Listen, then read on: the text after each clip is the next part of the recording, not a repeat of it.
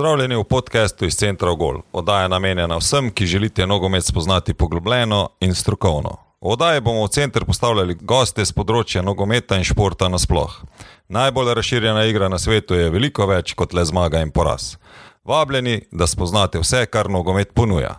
V primeru, da se vam oddaja všeč, vas ekipa iz centra Gol vabi, da nas všečkate in sledite na vseh pomembnih podcast platformah, kot so Spotify, Deezer, Google Cast, Apple Podcast, TuneIn ter na ostalih pretočnih vsebinah, ki jih še dodajamo. Najdete nas tudi na Facebooku in YouTubu, kjer bomo veseli vaših všečkov in vas vabimo, da ste naši sledilci. S tem boste na tekočem z novimi oddajami in dogodki, ob tem pa nam boste pomagali, da bo oddaja še, še boljša v prihodnje. Vaši všečki in število sledilcev je za nas ključno. Hvala vsem, ki nas sledite in nas še boste. Pozdravljeni vsi skupaj v praznični oddaji. Um, Tokrat smo se odločili, ekipa iz centra Gol, da bomo v sam center oddaje tokrat postavili nas, ki postavljamo to oddajo, jo pripravljamo in na koncu tudi izvajamo. Um, v obliki malce bomo pogledali, na kakšen način delamo, kdo dela in preverili, uh, kaj smo pametnega ali pa smešnega, zanimivega odnesli v tej prvi sezoni. Um, oddaje iz centra Gol, ob tem pa mogoče tudi, da malo predebatiramo, kam bi želeli mi, kot uh, uh, tisti, ki pripravljamo to oddajo za vas, uh, iti v prihodnje uh, na eni strani, na drugi strani mogoče, da tudi ob tem spodbudimo vse, ki poslušate, uh, ki ste del uh, naše ekipe širše da tudi prispevate s kakšno idejo, kaj bi želeli imeti, koga bi si želeli poslušati uh, v naših oddajah. Tako da prvo na začetku bi pozdravil vse, ki sodelujejo z mano in delajo in pripravljajo uh, za to, da, je, uh, da so oddaje takšne, kot morajo biti.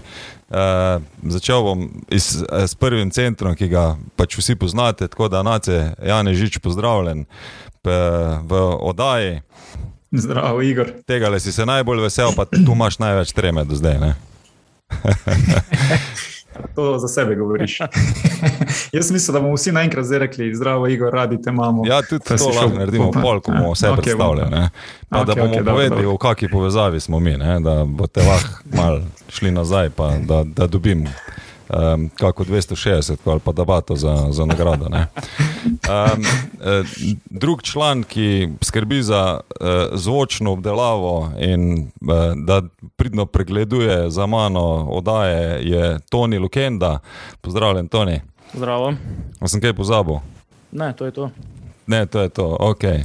Um, zato, da je grafična podoba uh, takšna, kot mora biti, pa pomaga tudi pri ostalih uh, objavah, uh, je Aleks Hodobreznik. Zdravo, Ali. Pozdravljen, Igor, in eh, lepo zdrav tudi vsem poslušalcem. Um, in tisti, ki je zadnji član uh, naše ekipe, ki skrbi za to, da se vdaje potem dosegljive vsem uh, na spletu, se pravi, da pridejo na vaše telefone, računalnike ali pa ne vem, če še kje druge pač poslušate te naše vdaje, je Isak Fehrič, lepo zdrav. Dober dan. Um, ajde, ekipa, no, da je povejte zdaj. No. Zdravo, radi, radi te imamo. pa to nas ni prisilo, da rečemo. Mežik in dvakrat, če si v težavah. okay. uh, Nace, ti si za mano, drug najstarejši, da je povedati, kje se mi poznamo. No. Uh, uh, Pa jaz bi rekel, da si ti kar nek uh, vezni člen med, uh, kar se tiče naših poznanstv, bolj, bolj ali pa manj.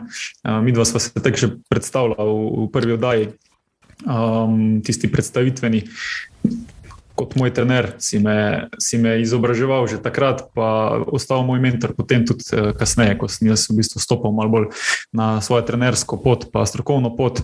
Um, hkrati sem se pa z vsemi ostalimi tremi člani spoznal tudi na, na tej poti, uh, z nekaterimi še prej na igravski, z, z Aleksom predvsem. Uh, smo nekaj skupaj igrali, čeprav smo se mal križali, ampak smo se redno videvali ali na igrišču ali v hodniku, uh, postali dobri prijatelji s časom.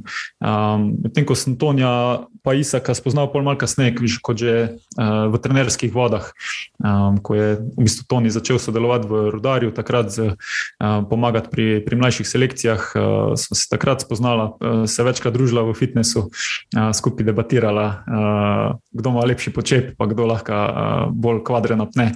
Um, z Isakom smo se pa predvsem pol v, v Šmartnem.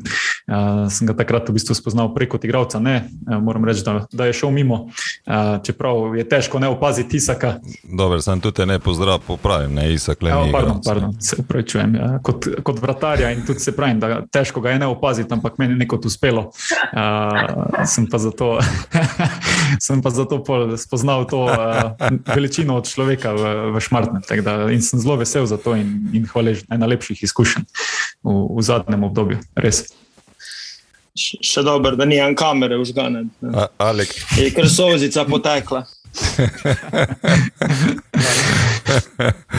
Aleks, nekaj zgodi povedati. Ta komentar o veličini me piše, da me navduši. Moram reči, da uh, se kar strinjam. Je zadevano. Ja, ja. Ni, v obe smisli te besede. Jaz sem samo v enem smislu. Ja, ja, se, jaz, jaz pa v drugem. Ja, le, v redu. Imáš vso pravico. Je, itak, itak. Ok, zdaj, Isak, ti si uh, ta zadnji naredil um, izpit za avto. Usposabljanje za trenerja C. Um, povej, povej mi, kako je to izgledalo, glede na to, da si prej bil na terenu, začel si že delati potem tudi kot trener vrtarjev, spravi, prej si bil vrtar, to, eh, da ne bomo še enkrat pozabili povedati en bolj agresivnih vrtarjev, zagotovo. Nisi tako uh, nežen, pa, pa miren, kot je bil Hrvanovič v Daji. Ja, lahko povem samo za vse tiste, ko Isaka ne poznate. Zadnji smo sedeli, jaz, Isak, pa Igor, pa smo gledali posnetke Oliverja Kana v njegovih najboljših časih. Uh, smo se nekaj strinjali, da, da to je bil Isak uh, tu nekje. Ali pa da bi Oliverju Kanu se zasuzile oči, če bi videl te posnetke od Isaka, kaj je bilo na terenu. Mal za, za občutek, če, če, če, če bi Oliver Kan razumel. Ja, če bi imeli vrkane razume. Ja, predvsem takrat, ko se gre na pol visoko, ja, šlo se stegne na nogo naprej. Prav, jaz se tukaj ne strinjam. Jaz se s tem ne strinjam. Okay. Zdaj, če se, če se že vračamo Hisakovi veličini, on je bil velik človek. On je prej bi, prej bi rekel, da je bil nizek, stoko vsakiš, ko si šel na eno z njim, te gležne polomo. Um. Hm. Ajde, dej, resno, da se vrnemo nazaj. Isa, kak je bilo na usposabljanju? Kar se tiče tega izobraževanja, bi pač povedal, da kot igralec uh, nisi obremenjen z določenimi stvarmi, kot naprimer trener, ki mora že pred samim treningom, oziroma že, že dosti prej v določenih stvareh razmišljati. Ne? Uh, kot igralec je pač tvoje, da prideš, pa da narediš najboljš, kako trener pač zahteva od tebe. Um, trener je pa tam zato, da te usmerja in da proba čim več um, iz tebe pač potegniti to kakovost, ki jo pa lahko prineseš na tekmo. In mislim, da to je največje, to, to je največ, kar sem spoznal, oziroma bi rekel, um, potegnil ven iz tega izobraževanja. No.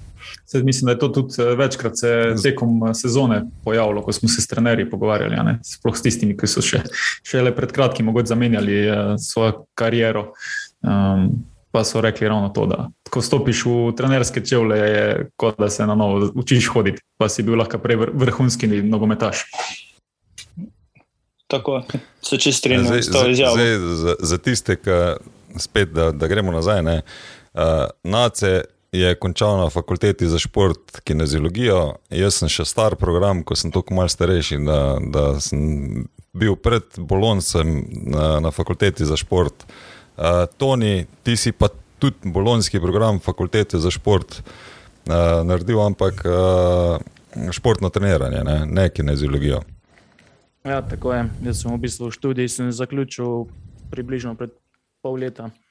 Uh, julija sem zaključil. Tak da, ja, tak da v bistvu bi lahko rekel, da sem novo pečeni diplomant športnega treniranja.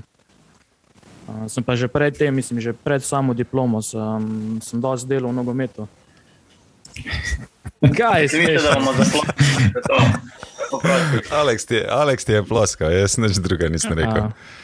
A, okay. Imaš pa kar dosti izkušenj, že tudi preden si, eh, preden si diplomiral, v bistvu, ne. si prišel v, v ta staž diplomiranca z izkušnjami. To. Ja, v bistvu že preden sem začel z študijem na fakulteti za šport, sem bi lahko rekel nekako mm, deloval kot pomočnik v rodarju pri manjših selekcijah. Um, potem, ko sem se. mm, Ko sem, se začel, ko sem začel z izobraževanjem na fakulteti za šport, sem dosti hitro začel iskati tudi prakso, ker pač mi je bilo nekako samoumevno, da teorija in praksa nista isto. Um, in sem v bistvu prakso našel pri nogometnem klubu Bravo, kjer sem deloval eno leto kot uh, pomočnik trenerja pri U11. Nekaj malega sem tudi uh, pri U15 pomagal, uh, ko, ko so potrebovali pomoč. Um, zatem sem, to je bilo potem v tretjem letniku, sem se pridružil nogometnemu razredu, kjer sem bil pomočnik našemu gostu Dejanu Jelinkarju in Primožu Zveru. Ob tem sem pa se že nekako začel dogovarjati uh, za delo pri nogometnem klubu Rodara Velenje in sem tudi v bistvu že tam potem te pomagal Igor pri selekciji U15. Najboljše je, ko prije prvi trening, pa rečem, da je bo aktiv, ne veš. eno, Pa, pa, pa nič od njega, ne, mislim, tam stal je, oprosti. Prijem na prvi njegov trening, vse posod ga je bilo, slišal si ga že 100 metrov prej na igrišču. ne. A je bilo tako, to ni. Pa ja. Jaz sem bolj tak sramežljiv tip, sam ko se pa sprostim, pa, pa, pa gazim. Kdo te bo ostal? Jaz, je- jaz mene na boljših izkušnj v zadnjem eh, času, moram reči, je bila, ko sem bil na. A, je bila to ni tisto zadnja tekma eh, zdaj v Šmartnem, ko si jo imel z ekipo a, proti, proti šampionom, ko ste igrali. Ko sem bil v garderobi, ko sem bil v garderobi zraven, ko, ko si naredil uh, govor, pripravo na tekmo. Uh, moram reči, da sem še, še ne tri dni potem, so mi kocine stale po koncu. Da, Mene je prišel kapetan, pa mi je rekel, tako na gor, moš naslednjič narediti. Veš, kako bomo šli po igrišču. pa je v zunji stal izven garderobe. ja, Še člani so mirno stali. Aleks, ti si tudi trener, že ne? Koliko let si že ti zdaj trener? Z pauzami ali brez pauz? Odkar si naredil usposabljanje? Um, bi rekel, da je šest let, s tem, da aktivno sem bil štiri, recimo z nekimi manjšimi pauzami. Um, čist tudi po naključju je prišlo do tega, jaz pa Igor, mi da se to znamo že. Uh, ko sem jaz bil kadet, takrat prvič, čeprav zdaj, ko razmišljam za nazaj, ene pol sezone, si bil moj trener, ko sem bil V10, V11. Takrat mislim, da sem imel tudi eno epizodo v rodarju, popravno, če se motim. Tam sem imel Takrat je, naceta, prvi bil deset tudi. Moj trener. E, no, takrat mislim, da sem tudi prvič uh, neke tvoje te metode poznal, ko so še danes čudne, ampak so efektivne, vse, vse pohvale. So še dan sporne. Še dan si se, kaj zdi ta tehnika udarca s prednji V notranji del Guantanamo stopala. izvajajo te. To se v bistvu ne, te tehnike, te metode, v bistvu za disciplino, jaz ne bom pozabil, da za kakšne prekrške, te stvari, bom rekel, disciplinske, smo prejemali kartone. In da sem si kak, na, Na treningu. treningu. Tako, tako. tako da se spomnim, da sem se, nisem si rdečih kartonov nikoli nabral, moram pa reči, da sem enkrat dobil rumen karton, ki se je prenesel na naslednji trening, pa nas je bilo kar nekaj, ampak sem se tresel dva dni, tako da sem naslednjič, ko sem prišel na trening, sem najprej to povedal. Trener je samo rumen karton, upam, da nismo pozabili. Ker je bilo tako strah. Zakaj si pa to rumen karton? Um, Pograjo sem se pležil, da ne bi smel. Ne nogomet. Še to si si zapomnil, kaj. Jaz imam tu eno anegdoto iz celja, ko sem bil trener. Ne? Uh, je en igralec je dobil rdečega. Ne? Rdeče pomeni, da ne gre na tekmo zraven za vikend. In pa se srečamo isto po ene 12 letih. Ne? Pa pravi, sem ti z rdečega kartona, ti pa nikoli ne bom odpustil. sem rekel, si si ga zaslužil. Sem, nikoli več nisem bederi dela, sem rekel, pa je bilo že v redu. Pa mama zdrav. Ja, traumatične, Okay. traumatične V glavnem, mi vsi, vsi smo trenerji. ne. Um, dejte mi, a, Isek, kako mi čaka, ima roko gor, vidim tule, uh, da pove, ne, ti už se zagotovo Isek je o, o, o Jasminu ne. Za njega si mi tudi pomagal pripraviti malo vprašanja, glede na to, da sta bila pa skupaj videla na usposabljanju tudi, ne. Um, kak, kaj, kaj si si ti najbolj zapomnil od teh naših oddaj, od trenerjih? Da govoriš o nasplohu oddaja. Lahko lah, gremo iz tega, pač, kaj smo se naučili, ali pa kaj nam je nekaj zelo ostalo v spominu. Jaz vem, da pač te prve oddaje, sploh ko smo z Nacitom snemali, je vedno bilo pol še neki dni debate, hej, ne vem, je dal to za razmišljati, ali pa mi je dal nekaj drugega za razmišljati. Jaz lahko rečem, ne vem. Uh, Konkretno za, za Zorana Zelkoviča, meni je ostalo zelo v spominu to, pač prilagoditi se ekipi, ki jo imaš. Pravi, on je šel takrat z njegova zgodba z Ilirijo, mi je bila zanimiva.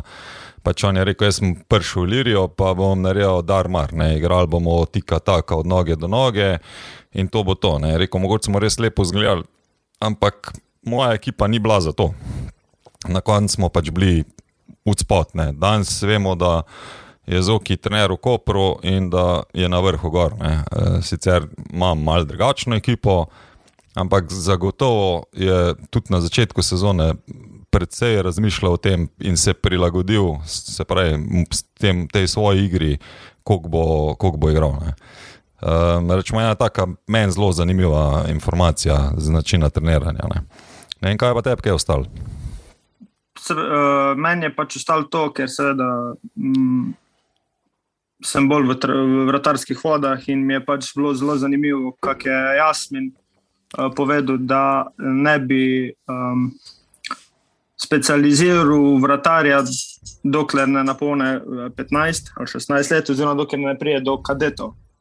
Da bi lahko, da bi lahko um, v nižjih selekcijah imel tudi dva vratarja, ki bi se pač izmenjevala da bi se tudi lahko pridobilo na tehniki, torej igre z nogo, in da bi, tudi, eh, da bi lahko bil tudi bolj, um, kako bi rekel, kaj, um, uporaben. uporaben. Dan se, tehnično, dan se zahteva tako, v igri, da imaš tehnično usposobljenega igralca. Da je Golman tudi lahko uporaben v mogoče kočljivih situacijah. Um, In to danes v nogometu pač veliko pomeni, če Golman zna z nogo igrati. Ne. In to mi je bilo zelo zanimivo, kako si to Jasmin predstavljal.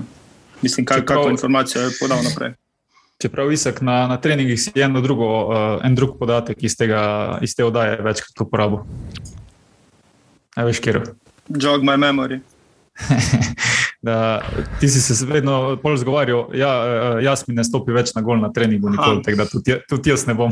Ja, tudi, tudi. Te nismo mogli od takrat več zgoriti. To je res. Ne, ne, nisem. Ne, od takrat ne več. A jaz sem mogel imeti rokavice gor. Je točno. Pa, pa, pa smo tekmovali, znate, kdo bo manj golov dobil. Pa je bilo neodločeno. Toliko tem.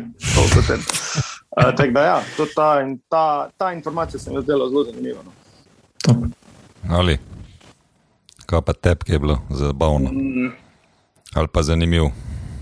Najbolj sem se zapomnil to, kar je rekel Dušan Kosiš, da ko prešaltaš iz igralske karijere, ko misliš, da vse znaš v nogometu, priješ do trenerskega poklica, pa vidiš, da nimaš pojma.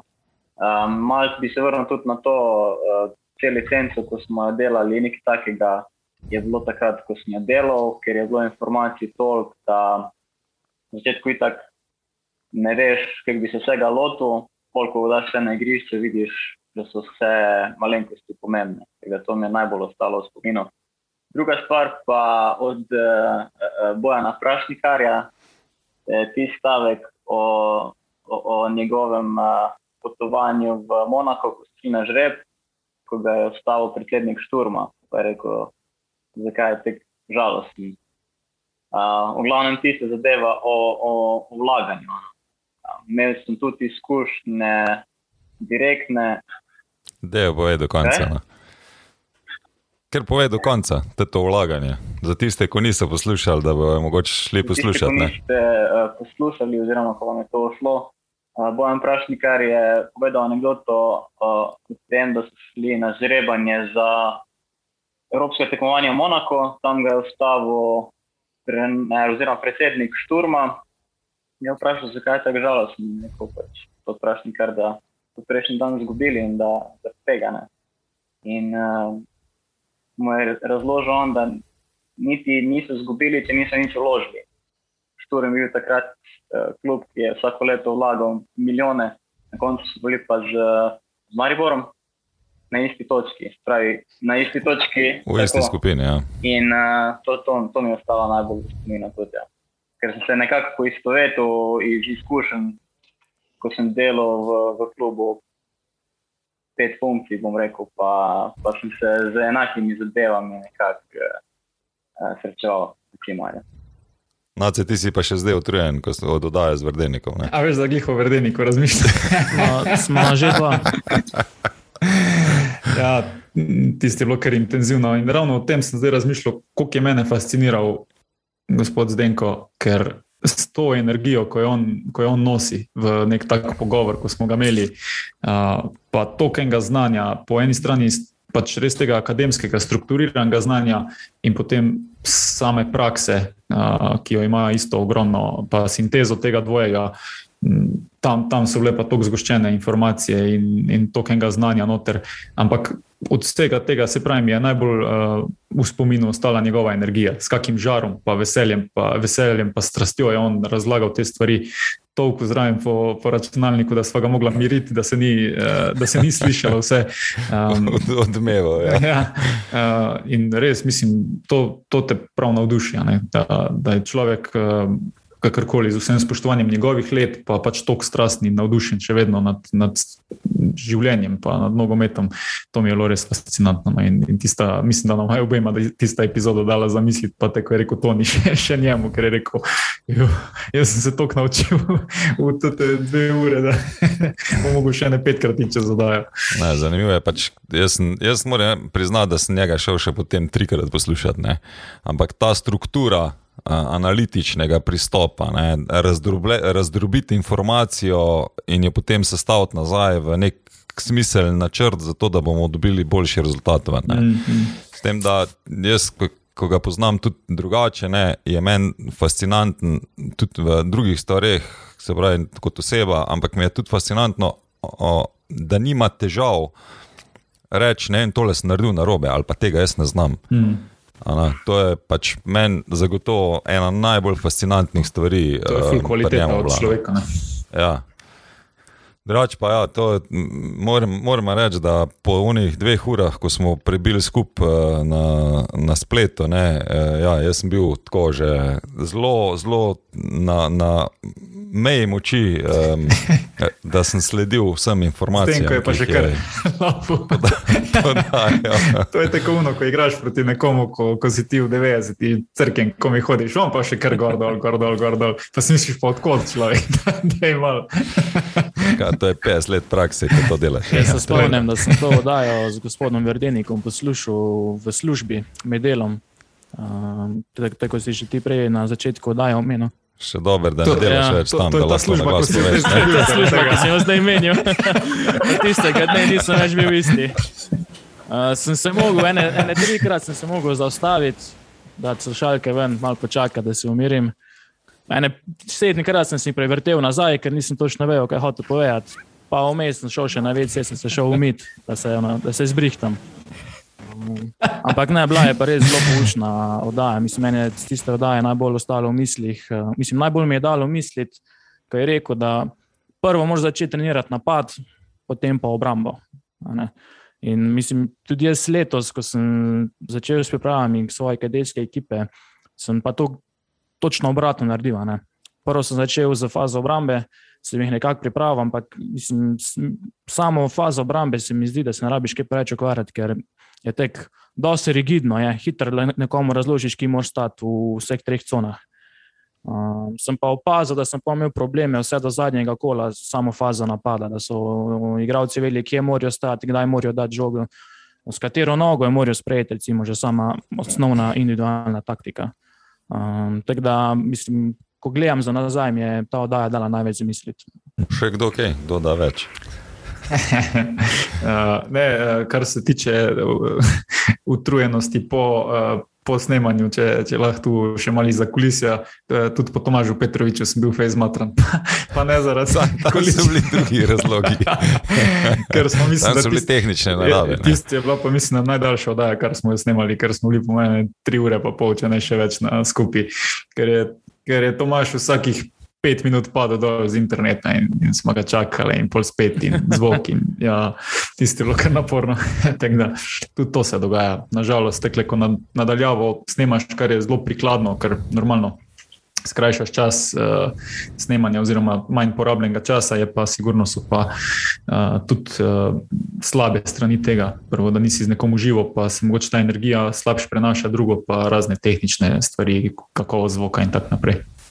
Ampak, ok, v teh časih smo in hvala Bogu, nam je marsikaj tudi to dalo. Ja, jaz bi tu rekel, da meni men od teh trenerjev je zelo zanimivo bilo, ker sem v enem tednu, takrat sem sam že snimal, ne, nace, ti nisi ja. bil več zraven pri trenerjih. Uh, ker sem en teden snimal Rožmana, pa naslednji teden sem snimal, ali pa v razmaku parih dni sem snimal vprašnikarja. In uh, pač, smo sveta uh, različita. na eni strani pač poslušaš nekoga, ki ne vem, je pred kratkim deloval v Mariboru, pa v reki, pa domžale. Ne? In je update z vsemi novostmi, in z vsem, na drugi strani pa se pogovarjaš z nekom, ki je deloval v precej drugem času. In je verjetno takrat, neverjetno, takrat je bil inovator za marsikaj. Ampak se je pa mogel hkrati ukvarjati, ne vem, bo Zlatko Zahovič uh, vzel slovenski pasoš ali ne. Um, od teh, teh prigod, ko je prej Toni rekel, do tega, vem, da se je pa v tem zadnjem delu svoje kariere, ko je bil v Nemčiji, ravno s tem soočil, ko priješ iz uh, tega, da imaš ti pomočnika, trenerja Golmanov, pa to je to, ne, prideš v Kodbus, pa, pa imaš 16 ljudi, ki moraš dati vsem nekaj zadelati, ker drugače pač je, si čuden ali pa ne veš, ne, ne veš kako streš svojem, svojemu poklicu. Ok, zadeva tu se zelo, zelo spremenila. Prav, jaz bi tukaj rekel, da so v tistih časih, ko je bil še prašnikar na svojem vrhuncu, so mogli biti, eh, če že sam gledamo, sam napredek eh, tehnologije in vse, so mogli biti dosti bolj ustvarjalni. Pač dan danes je lahko marsikjer trener se usede z računalnik, odpre YouTube, gre gledati posnetke, kako dela na treningu, kaj kdo pove na določenih intervjujih.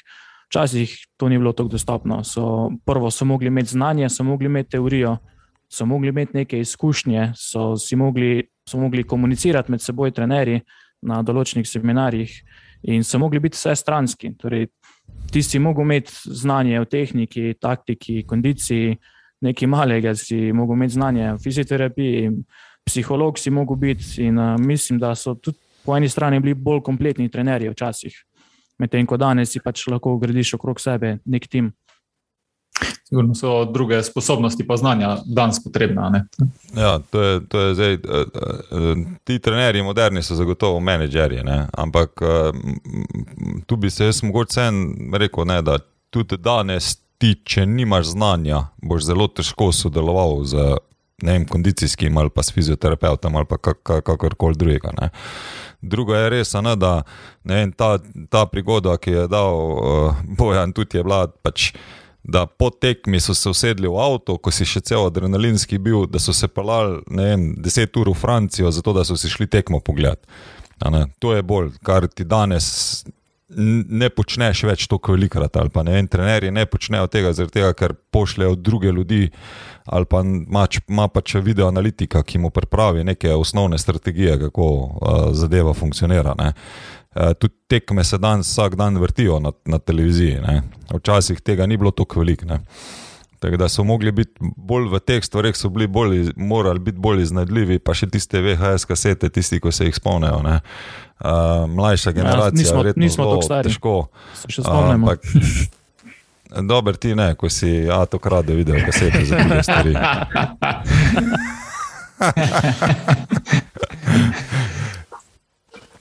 Aleks je pa kar za glavo prijel, ko se je spomnil, kako to zgleda. Isak je pa kamera ugasnila.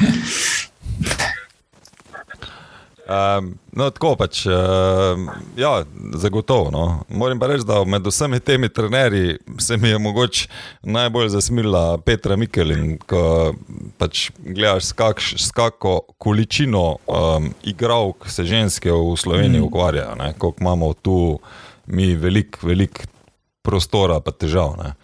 Ta, mislim, ta oddaja mene kar po svoje razžalostila, po drugi strani navdušila, da pač kaj uspejo narediti iz tega. Ampak mm, koliko je res tukaj stanje v bistvu na nuli, če te gledaš, koliko je vse je še možno narediti ne, na, na področju ženskega nogometa pri nas. Um, pa vemo tudi mi, ki smo bili upeti v to, ko smo poskušali uh, malo bolj aktivno zagnati stvari, mogoče, um, ko smo skupaj sodelovali, da pač je res uh, problem oziroma težava, mora se dosta vlagati in energijsko um, in časovno. Pa počasni, zelo počasni premiki so, tako da res kapo dol vsem, ki delajo v ženskem nogometu in pač tudi pripeljejo do, do te ravni. Um, Slovenski nogomet, ženski, da je konkurenčen pač v Evropi, kar je. Ne?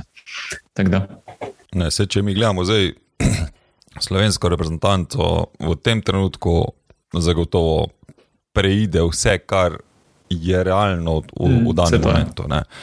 tudi to, da so se naše ekipe ženske uvrščale veliko prvakin. Ne?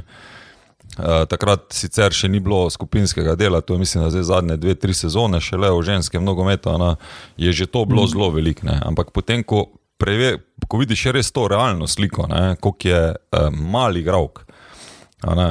Se jaz vedno pol spomnim na tisto anegdoto, takrat, ko smo imeli uh, uh, veslače, špika, pa čopa, pa un četvrc, ko je bil, ki sem zdaj upravičujem, ki jih ne, ne znam vse našteti. Ampak je bila ta ista vem, debata, uh, ko se med sabo selektori pogovarjajo, pa reče on angliški selektor, reče, um, koliko imate pa vi. Um, pač, Število veslačev v Sloveniji, ne? pa reče ta naš selektor, reče 40.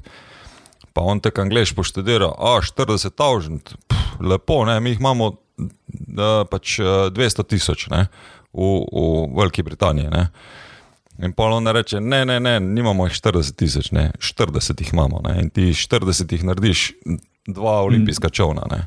zlata. Pač, ista taka primerjava, zdaj ko gledam, koliko je slovenskih igralk.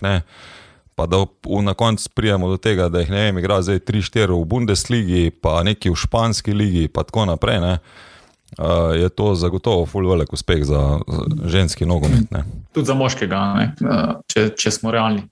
In z, uspehi, in, in z uspehi na klubskem in na reprezentančnem nivoju, čeprav velikrat se pritožujemo, kako bi se še dalo, ampak glede na vse skupaj, ko črto potegneš, je, mislim, smo zelo uspešni. Prijemo spet do vprašanja, koliko smo vložili v to, da bomo rekli, da smo kaj vzeli ali pa da nismo. Ja, točno to, točno to je. Mislim, to je lahko dobra novica, ker pač polje še veliko eh, prostora za narediti še več, če, če nismo dovolj uložili. Mi je pa zanimivo vseeno bilo to, da, rečemo, da, da v Sloveniji v mladinskem nogometu, da lahko pa tudi male sredine naredijo. Ne? Ko smo se pogovarjali letos s Kreftom. Um, zdaj naš, naš prijatelj, laga omenimo, verjetno, ki je tudi v, v Brinju. Um, trenutno mladinski trener, isto brinje, z, z, ko so zelo mali, um, konkurirajo, se pravi, so čisto vrhu kadetske mladinske lestvice, ne, tako kot je Ilirija. Napram, trenutno so tretji, če se skupno, ja, pač med, Kadeti celo prvi, če, če se prav spomnim. Ja, tako da um, je zanimivo, da lahko tudi male sredine z manj mogoče vložka pa malo strokovnega, malo več strokovnega dela, veliko naredijo. Ne. Eno se tako radom, ko smo z Rokom Hanžičem govorili, ne, tudi eh, ta podobna zgodba, oziroma smo prav to temo odprli.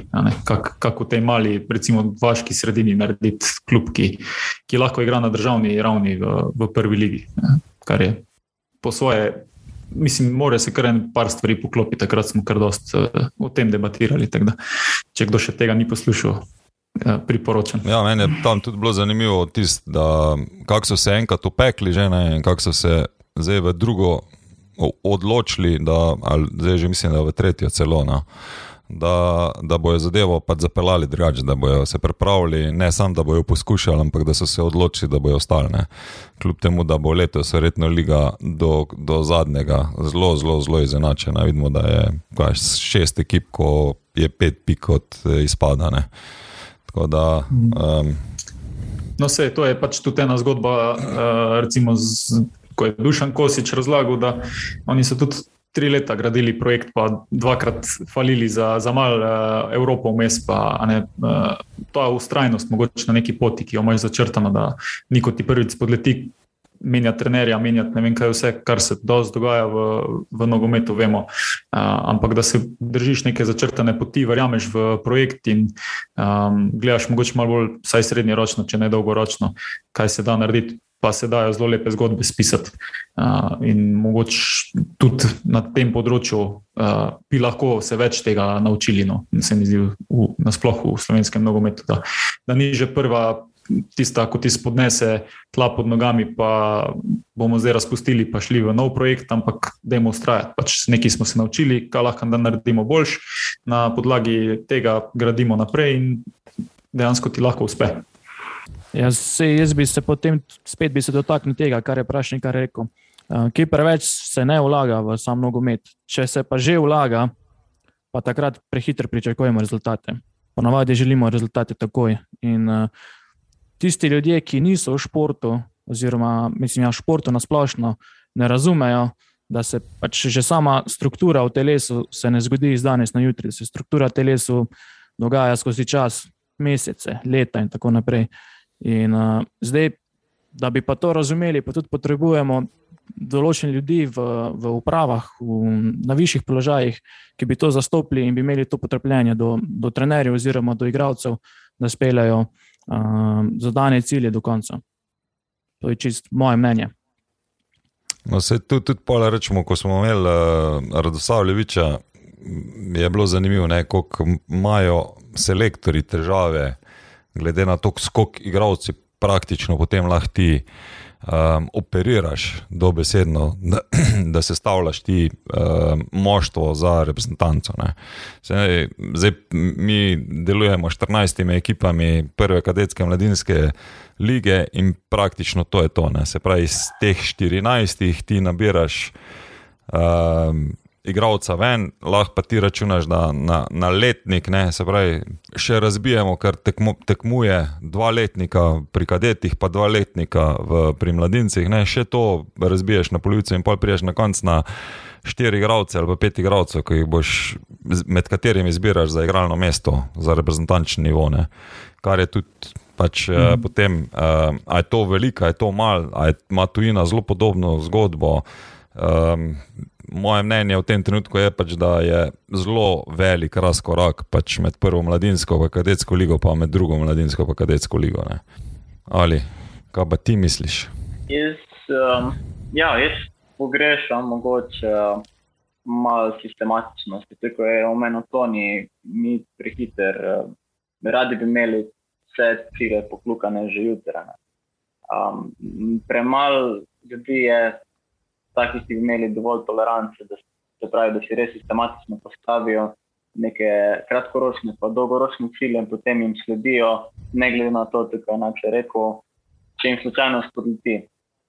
Um, Prehiter tudi pride do, do menjave kadra kot rezultat nekega neuspeha. Um, tu si mogoče sposodo to zgodbo od Mure, ko smo imeli tudi Maruška.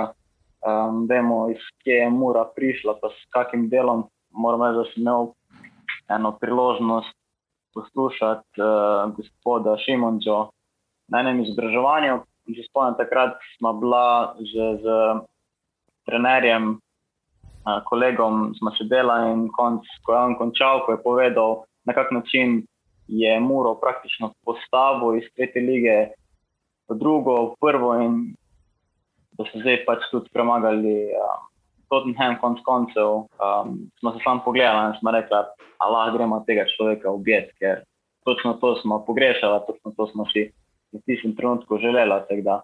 Mogoče, mogoče to manjka, da je več takih projektov postavljenih, mogoče iz tega tudi bi prišlo več kvalitetnih igralcev, če bi imeli malo več potrpljenja.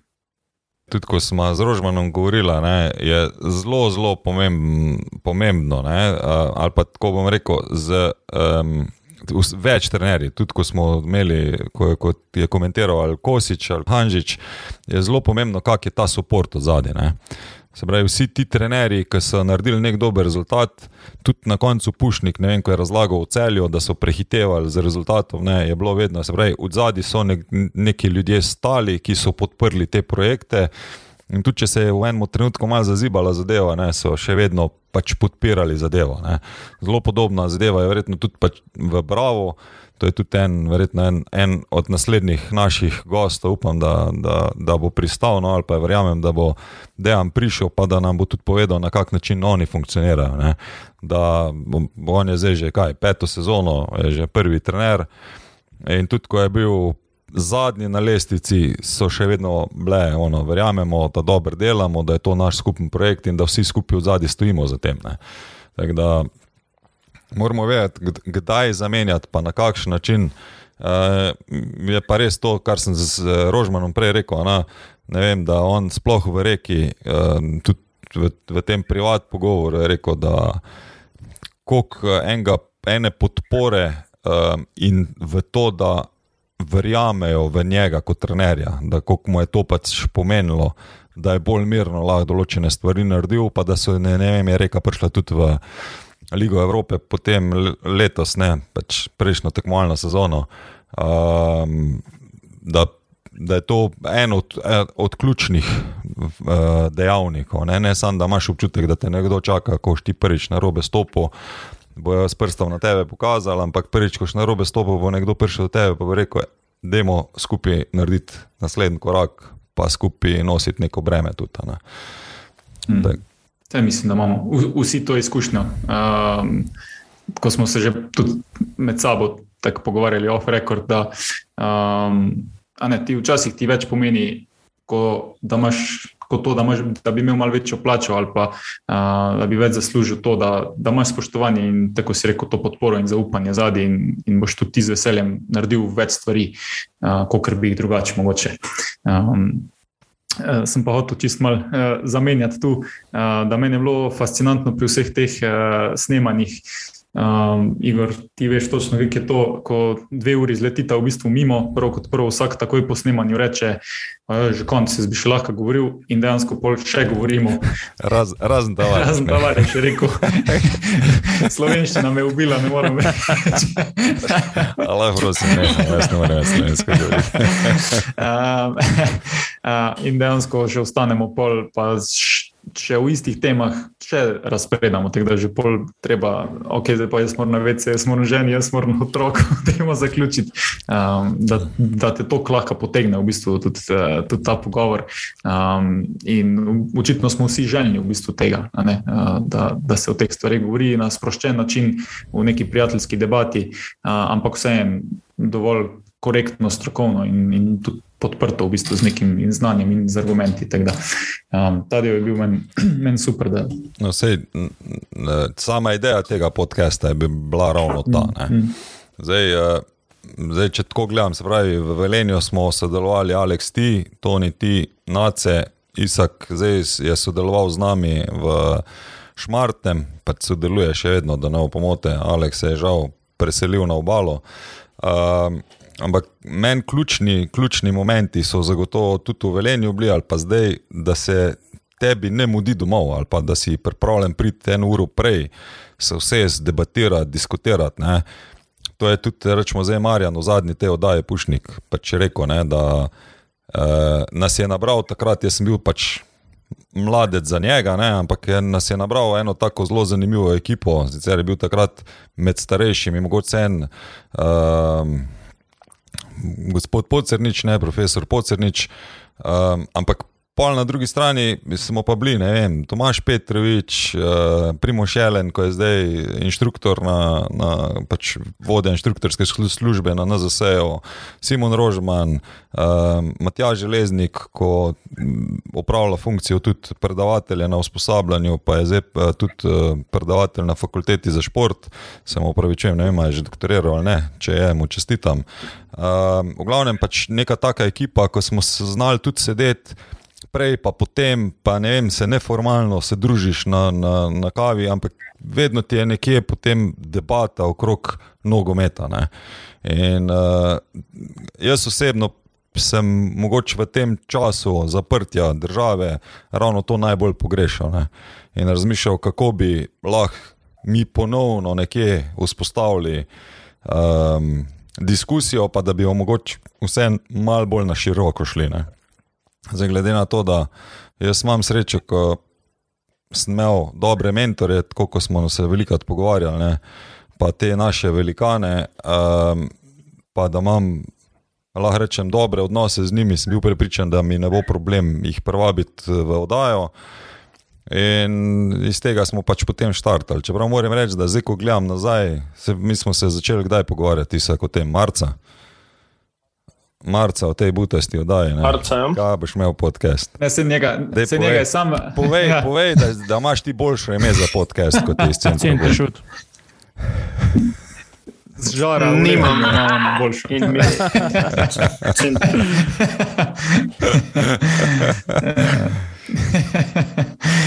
No, glavno, jaz moram reči, da sem bil zelo naiven, kako kak bomo to za, za, začeli pelati. ne, In, uh, moram reči, da ful hvala, ker imamo pa zdaj uh, zelo različna znanja, ne, um, ki, ki nam pomagajo, um, da, da lahko tole zadevo speljemo. Zdaj, jaz, jaz, če izhajam iz sebe, zdaj, sem učitelj, predavatelj na usposabljanju trenerjev že več kot 20 let. Se pravi, meni sam govor, pa nastopanje, bom rekel, da mi ni nek, nek velik problem. Tudi pred uh, sebi uh, enako um, usposobljenimi ali pa bolj usposobljenimi od, od sebe. ne. Um, zdaj, uh, Nace, ti si zagotovo uh, pač na tem svojem uh, prvo kondicijskem delu, se pravi, kineziološkem delu, ki si ga precej nadgradil, ne, uh, v svojo zdaj firmo, da nam je predstavljeno, da, bo, da bojo tudi drugi vedeli, kaj To počneš. sem Za, ko- za ston reklamo dobil, ali kaj? To ne more. Uh, ne, za- gre se za to, da, da, da bomo vsi razumeli, na kak način funkcioniramo, pa iz česa prihaja tudi ta oddaja ven. Mm. Uh, ali pa zakaj je to, po moje, lahko uh, dobra ali pa sproščena mm. tudi. Jaz eh, čist izhajam iz kineziološkega um, znanja, ki sem ga na fakulteti dobil in potem tudi prenesel v prakso kondicijskega treniranja uh, skozi nogomet, uh, ampak hkrati me pa vse čas v bistvu zanimalo uh, tudi, tudi druge veje, da rečem. Delovanja z ljudmi in rehabilitacijsko, preventivno, pa tudi na drugi strani, v bistvu bolj celostno, kar je ena moja da rečem, ljubezen v življenju, uh, neka osebna rast, pa duhovnost, filozofija. Uh, in sem poskušal v bistvu tudi te stvari malo upeljevati v svoje delo, uh, in v zadnjem času sem se kar konkretno v, bistvu v, v to vrgel. Tako da poskušam zdaj ljudem predstavljati, uh, na kak način lahko skozi gibanje urejajo um, svoje življenja, na, tudi na ostalih nivojih, ne, ne torej samo telesno, ne samo da pridobijo miši, mišično maso, so hitrejši, pa močnejši, ampak tudi predvsem, kako bi bolje živeli, um, kako bi lahko bilo gibanje urodje za to, da začnejo bolje živeti, bolj živeti sebe, um, so boljši v odnosih, um, se boljše izražajo v življenju, pa so bolj sproščeni, kreativni, igrivi. Tako da v bistvu se s tem um, v zadnjem obdobju najbolj ukvarjam, tudi zaradi tega sem želel potem več časa v bistvu posvetiti uh, temu delu, ker enostavno sem čutil, da da terja to od mene, uh, celega mene v bistvu. In zaradi tega sem se od nekih drugih projektov malo odmaknil, kot je tudi v bistvu ta, uh, ta podcast uh, in pa samo delovanje v nogometu. Vsaj za nekaj časa. Je pa vedno pri meni to preplet, da grem mal ven, pa pridem nazaj, pa grem ven, pa pridem nazaj, ker pol ugotovim, da lahko v bistvu ta znanja, ki sem jih vmes pridobil, porabim tudi spet na, na svojem te- tem področju primarnem, s katerim sem začel in tu nekaj doprinesem. Mi je, me še zanima, kam me bo še pelala pot naprej. E, imam pa eno vprašanje zdaj, Vprašaj. čisto, ne. Ko smo bili v tem božičnem času, odkje je tvoj nickname, The Grinch? to je pa long story short. Gledal sem uh, film Grinch in potem sem ne vem, ene tri mesece bil vsem okrog sebe. To je bilo v času vse ne vem, po mojem, osnovne šole, sem vsem bil tečen. Uh, če so gledali Grinča, pač ne vem, kar neko je to fora. Jaz sem vsem govoril, da ne bo ta Grinč. Ja, ne, sem, vsem sem to govoril, pač, ker neko je fora postala takrat, ko imaš preveč energije, pa je na nek način izražaš in jaz jo na ta način, da sem živel ljudem in potem se me je neko odprimlo, da sem, ja, kradu jelke okrog, da sem Grinč. In, in nekaj časa so me dejansko ljudje, kot, uh, mislim, ljudje, vrstniki kot Grinča poznali, uh, od tu se je primlo. Čeprav se danes uh, sploh ne identificiram z Grinčem ali pa s čemkoli podobnim, ampak je pa to ostalo en, en mali del mene. Um, Glad, da, srce pustil. ti je trikrat v tem cajtu zraslo. Upam, da, se... upam, da še kaj. V bistvu, v bistvu se mu je zmanjšalo, pa je šel na faks študirati, ker si lahko poveča srce srčna mišica. to, so, to so včasih diagnosticirali kot, kot napako, pa si moral na dodatne preglede. Danes je, danes je že vredno, danes, danes bi šel čest na uh, pregled. Ja, jaz lahko trdim, da je enote en izmed ljudi, ki ima največ. Hvala. hvala. Ja, zdaj bom pa jaz kamero izključil, da, da se moja sozica ne vidi. Se te bomo objeli naslednjič, ko te vidimo. Tako reče, tako reče, tako reče Grinch, Grinch, I'm leaking, puščam.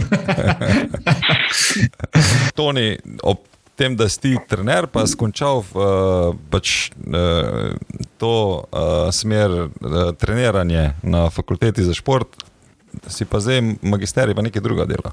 Um, v bistvu ni magisterij. A ni magisterij? Ne, ne, ne. ne. Jaz sem želel sem si najprej na magisterij kineziologije, pa nekako me je odvrnilo vse skupaj.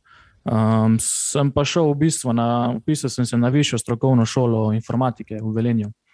Um, ker sem že v bistvu, predtem sem se upisal na fakulteto za šport, sem tudi zaključil srednjo tehnično računalniško šolo. In tu tudi tvoja, um, to, da si zdaj naš tonski mojster. Pa... Ne, to je zato, ker je Toni. Toni, ja. Toni Cetinski, lepo zdrav v naši oddaji. um, ne, dejansko me glasba me je vedno zanimala. Tudi, ko sem bil še najstnik, sem nekako poskušal se, se preizkušati no, v neki produkciji bolj elektronske glasbe ker tudi sam poslušam to glasbo. Pa mi je nekaj, nekaj malega ostalo znanja, kar se tega tiče. Da smo se tudi iz tega razloga odločili, da bi mogoče jaz lahko celi ekipi na tak način najbolj pomagal, če se, če se s tem ukvarjam. Ja, še dobro, da ni zaradi tega, ko si skupaj padel v vremenu treninga. Ja, ni edini. Ni edini. Ni, ni edini. Ni edini. Dobro, lepo, navadi so bruhali. Eni bruhajo, drugi skupaj padajo. Pa pa sam reče, kaj si, kaj si jedel ti dan za kosilo? En reče kebab, drug reče pleskavice, da je še eno en pal. Če te reče pa nič, pa je to prazen želodec, da je isto stranje. Ali kaj ti delaš danes? Mislim, danes poklicno, kje si se znašel. Uh, prvo vprašanje, ker res ne vem, zdaj oprosti, a ti še igraš nogomet aktivno? Ker ti si naj, najdlje časa vzel ustrajal kot aktivno nogometaš od družbe.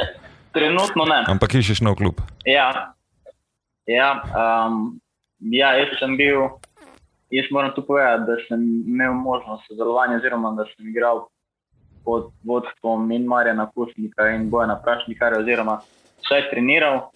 Um, pol sem imel kolena, ker pogosto servisirana. Um, pa zdaj, ok, bom rekel, da sem ustrajal pri igranju nogometa. Um, kar se same kariere tiče, vedno sem nekako bil upleten v nogomet, najprej kot igralec, trener, pomočnik trenerja, potem pa nekako po, po spletu okoliščin ali pa po sili razmer. Um, Sem bil dan vlogo neke organizacije, organizator dogodkov v nogometnem klubu Rodar Velenje, projektni vodja, veliko funkcij sem tam upravljal in tu sem se nekje znašel. To si se tudi izobraževal ti v tej smeri? Uh, sproti, na tak način, sproti. Um, jaz moram reči, da do pred kratkim sem se bolj kot ne iskal, kot nisem vedel točno, kaj bi jaz delal. Uh, tu sem imel kar nekaj težav, zaradi tega, ker je bilo veliko pritiskov, ja, pa se treba specializirati, pa se treba specializirati v neki. Meni pa enostavno me je zanimalo, preveč stvari.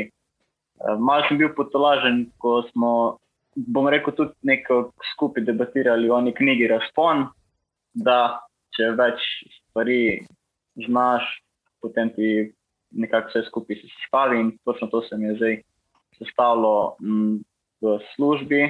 Delam kot uh, vodja animacije v hotelih Life Class, ampak še vedno sem pa zelo povezan z nogometom, zdaj na, na koncu z, z tem podcastom. Pa upaš, da boš še kdaj ter, kot trener delal? Ga? Ja, še vedno me nogomet zanima, še vedno bi rad delal v tem, uh, rad bi še, še naprej izobraževal. Trenutno sem ostal na celi licenci, ampak ja, upam, da v bližnji prihodnosti uspem zložiti svoj, uh, svoje službene obveznosti, tako da mi bo ostal tudi čas za to. Ja. Definitivno. Isak, dej povej nam, kaj pa ti danes počneš. Prvo, prvo bi še mogoče sam to rekel, ne, eh, da si ti pr prišel kot trener v um, delati. Pravi, da si se odločil za trenersko kariero, si imel že prej željo, ali potem, ko te je Toni povabil, si začel razmišljati, da je to bi pa jaz lahko počel. Uh, to, sem, to željo sem že imel prej, uh, ampak sem iskal nekoga, ki je že v teh vodah, da bi me lahko usmeril. In uh, tako sem se spomnil na Tonija, sem, sem ga poklical, smo se malo pogovorili, mi je malce razložil in ostalo je zgodovina. da danes smo pa to. Ne. V bistvu ti si mene klical že takrat, ko sem bil v Rudarju. Uh, ampak takrat, Tako. ne vem, nekak, uh, to je bilo potem, ko si ti šel iz kluba Igor. Nekako ni bo, bo posluha za, za to, da bi še kakega trenerja dobili. Um, pa, pa, ko smo bili v Šmartnu, smo pa iskali trenerja Golmanov. No, pa mi je nekako na misel padlo, da bi ti lahko bil ta pravi. Si pa, imaš pa, imaš pa zelo tak pedagoški pristop. Si že imel prednji, si šel na, na izobraževanje C. Um, tako da sem, sem Sam res čist drugače zgledaš zdaj kot trener, kot prej kot kot igralec. No, hvala, cenim. Manj, Mislim, manj agresiven si, več tolerance imaš. Uh, reč, da jaz, kot sem začel kot trener, sem bil desetkrat bolj nervozen kot ti. To, to je karakterno. tako. Sam jaz. Mm, Ej, Sam maska. Isa, kaj pa ti danes počneš? Dej nam povej, kaj, s čim se ti preživljaš, ker vemo, da s podcastom se ne preživljamo. Ne? Sebe govori. Se ne. Uh, Dober, ti se z bitcoini, to zdaj že cela Slovenija ve. Ne? Uh, jaz sem pa um, zaključil srednjo uh, tehnično šolo v Velenju, smer računalništva. Uh, pot sem nadaljeval potem uh, v Mariboru, na Feriju. In um, uradni naziv imam diplomiran inženir računalništva in informacijskih tehnologij. Uh, trenutno sem zaposlen uh, kot eh, razvijalec programske opreme za bančne storitve. Um, poleg tega, seveda, še, uh, sem še trener vrtarjev. Um, in ja, to je, to je zaenkrat ono. Daj, No, pa Nijam- PlayStation ni, nisem, ni vredno membe tu v tej zgodbi. Ne, ni, ni je malo upadlo to, ta, to igranje iger, video iger. Ko sem ugotovil, da se, da se to časovno ne sodi. Kdo si in kaj si storil z Isakom? Grinč ga je ugrabil. Zelo, Grinč ni Zelo ugrabil, ni ugrabil jelke, pa daril, ampak je ugrabil Isaka. ja, ja. Se bomo zavedali temu v tako komentarju. Ja, jaz tudi. Jaz tudi. To lahko, to lahko po, po podkastu. Dobro, obračunamo zunaj. Obračun, tako, tako. z Igorjem, seveda. Uh, Jaz pa ti na Igorja. ok, može. Ah, um, ja, namen, tako sem omenil, sem trener vrtarjev.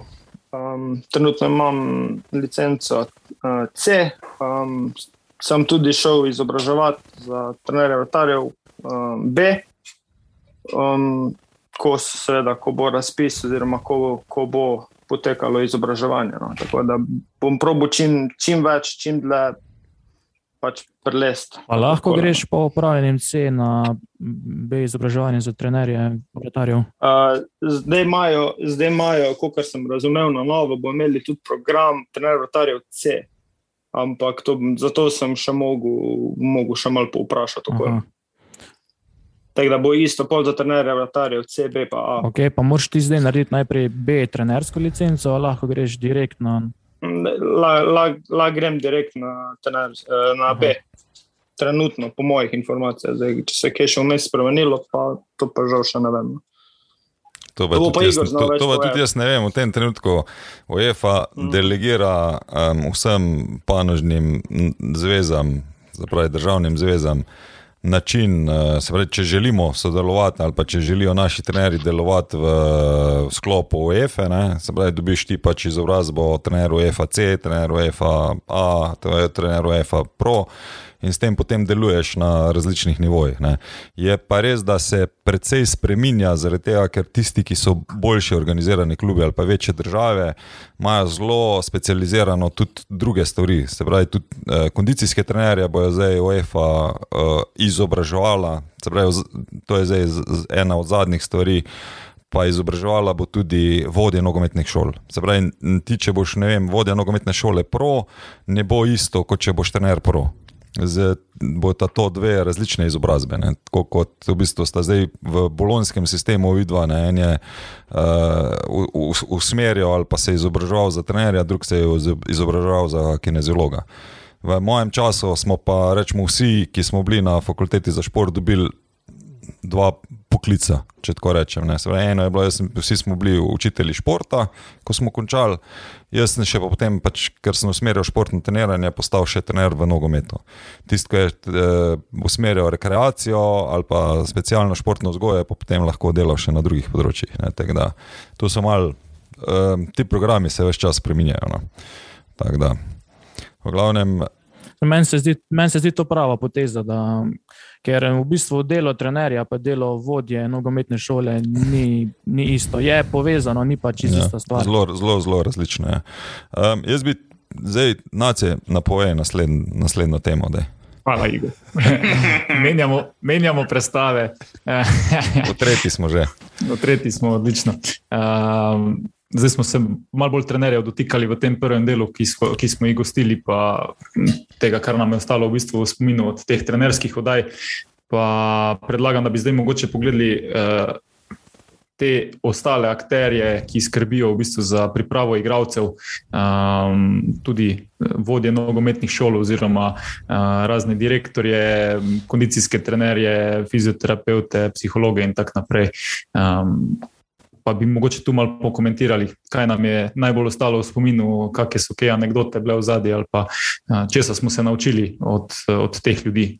Jaz za sebe moram reči, da da so mi bile te oddaje izre, izjemno zanimive, uh, zaradi tega, ker sem mogoče v drugačni luči spoznal nekatere vloge, nekatere poklice, za katere sem vedel, da, seveda, da obstajajo in da so tudi prisotni, recimo, tako, recimo športni psiholog, um, da so prisotni do neke mere v, v profesionalnem športu, uh, ampak marsikje mi je zelo odprlo oči, kako pomembna kako pomembno delo upravljajo, oziroma koliko enega potencijala se skriva v, bistvu v, tem, eh, v teh področjih dela, ki jih mogoče malo zapostavljamo, zanemarjamo ali pa jim ne damo dovolj priložnosti, bodi si zaradi pomankanja sredstev, pomankanja časa ali pa tudi neznanja o teh zadevah.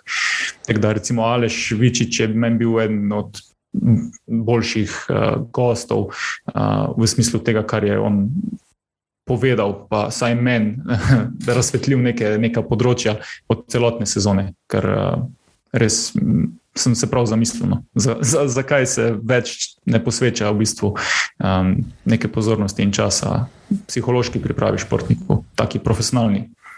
Tako tak da, Aleš Vičič je sigurno bil meni eden boljših gostov, uh, rekel bi pa, da Isak bil uh, Slavko Vinčič, ker je pa um, uh, po mojem, da en od golmanov, ki je najbolj kartoniran uh, v zgodovini kadetske mladinske lige. Čeprav, čeprav, ko smo šli gledati statistiko, ima samo en rumen karton. Samo en rumen karton, Ja. pa rdeče. Če so vse se obrisali, Ja, to, laže. to je cenzura. Vse. Nisem mu hotel dati C diplome, če, če ima preveč kartonov v evidenci, tako da so šli to popravljati za nazaj. Dobro, do, dobro si to napeljal. Uh, rečemo, jaz vsako leto sem več ali manj hodil na ta uh, do usposabljanja v spremembi pravil. ne. Se Pravi, vsako leto uh, velja isto, to je pa z vidika FIFA, to je pač uh, Vinčič zelo lepo predstavo. Ne. Prihajajo um, spremembe pravil. Ne. Kdo Zelo lepo je predstavil, kateri so, um, čakaj, ki je rekel to, uh, ne organi, ampak nekaj drugega. Nace se ti spomniš? Ne. Ne. Um, se pravi, kdo je tisti, ki lahko spremenja? pravi, vem samo to, da je zraven uh, Kolina uh, ali pa bivši vrhunski trenerji, tak, tako kot je Wenger. ne. Um, zraven je ne vem, vem, da je od igralcev bivših je uh, Zvonimir Boban. Uh, se pravi, da takšni ljudje potem pomagajo ali pa predlagajo, da se delajo spremembe, in potem so probni turnirji, ponavadi so to mlajše kategorije, kjer se jih uh, usposablja, in na koncu, se pravi, ko je sprejeto, pride nekdo, ki nam pretolmači um, te, ta pravila. Ne. Problem je, da bi morali, po mojem, ta, ta, ta tolmačenja biti uh, pripravljena tudi za novinarje. Um, ker se doskrat zgodi, da, da je meni po ne vem, nekem predavanju bilo zelo jasna situacija, zakaj se je sodnik za nekaj odločil, pa zakaj se ni. Um, novinar pa zelo spodbuja, ne, da je kakšna ogromna napaka glavnega sodnika in tako naprej. Je pa resnica čist nekje drugje. Ne. Uh, moram pa reči, da je fenomenalno bi bila predstavljena um, ta var tehnologija, se pravi ta vor soba, v kateri oni delujejo in kako uh, delujejo. In prav zanimivo mi je, kako se na nek način. Je tako rekel, ni fajn biti noter, ne? ker če na igrišču nekaj narediš na robe, ko se to zgodi v neki ekstra hitrosti, pa še vsi nekako tolerirajo. Ne? Če pa ti v vor sobi nekaj ne vidiš, ne? E, si pa zelo na, na, na, izpostavljen. no, tako. Nimaš možnosti napake tam Tako je. praktično. Mm. Ja, sodniška, ta sodniška oddaja je bila meni tudi um, svetovna, ker No, sploh je fajn uh, videti, na kak način um, sodniki razmišljajo, oziroma njihovo celotno perspektivo, zaradi tega, ker tudi verjetno smo zelo hitri, lahko kritični. ne. Uh, zdaj, če se prav sodnika vzamemo, veliko krat pač rečemo, da pa nima pojma ali pa nima veze z nogometom. Pa pač, mislim, da mi je ostalo v spominu, da je tisti, ki je na igrišču postavljen, da sodnika je z razlogom tam. Tudi oni grejo čez skup enih uh, testiranj, pa izobraževanj in uh, vejo, kaj delajo. mm, res je. Jaz iskreno sodnike zelo spoštujem. Ker ko smo bili še v rodarju, ko sem prišel v rodarju, tako me je Igor me je na prvih treh tekmah, prijateljskih, ki smo jih igrali, me je dal, me je dal za sodnika prijateljskih tekem. In seveda, jaz sem bil zelo vesel, vse tako verjetno veste, kaj sem si mislil. Um, ampak bilo mi je pa tek. Jaz sem prva ali druga tekma, ki sem jo sodel, torej prijateljska tekma Rudar, je bila proti, proti Crveni zvezdi, a, kadetska ekipa. In moram reči, da na splošno imam občutek, da pač te balkanske ekipe grejo dosti bolj agresivno v duele. In je bila tako živčna tekma, še posebej, ker je bilo ne vem, 100-150 ljudi, in bila je zanimiva tekma, ljudi so prišli gledati. Vsaka sodniška napaka, ki je bila klaj, klaj, ali pa tudi če je bila ta prava, je bil cel cel pritisk na mene. Pa sem bil znan z teh staršev, teh ljudi, ki so prišli tekmo gledati, pa so vse, čas neke informacije do prihajale. In še, še posebej, če pa nimaš stranskih sodnikov, ne, ni, ni lahko. In pač tudi, tudi kot sodnik se mi zdi, da moraš imeti neko avtoriteto nad, nad igravci, nad, nad ljudmi, ki so tudi okoli terena. In tudi zadnje čase vse bolj gledam, na kak način funkcionirajo, oziroma na, na, na kak način, ko se nek faul zgodi, ko se pridejo igravci pritoževati, na kak način se sodnik postavi, na kak način hoče vzpostaviti neko dominanco nad igravcem. Tako se mi zdi, da je ful močno, uh, moraš biti osebnostno postavljen kot sodnik, no? da, da si lahko na top nivoju. Mm, da, Če kdaj si zaspal na tekmo, pa zvečer pod vsem tem pritiskom od zvezde, pa od staršev. Reč, da, zelo mi je malo trip dvignilo, ko se spomnim. pa na, na eni prijateljski tekmi sem se odopel proti nam. ni bilo fajn. Ni bilo fajn. ne, ni bilo fajn. Jaz sem imel zagovor pri meni. Okay. Pa ne, prvo so prišli trije igravci, a ne, pa kaj glaka proti nam sodi. A pol pa je še kolega, trener prišel do mene, pa mi je ene par takih povedal. Kao. Ampak je bilo, pa, pa smo se smejali temu par dni zatem. ni, ni lahko, res je. E, zabavno je, moram reči. 100%. Isak, ti si sigurno kojče, pa macuha poslušal, ne da? Kot provokacija.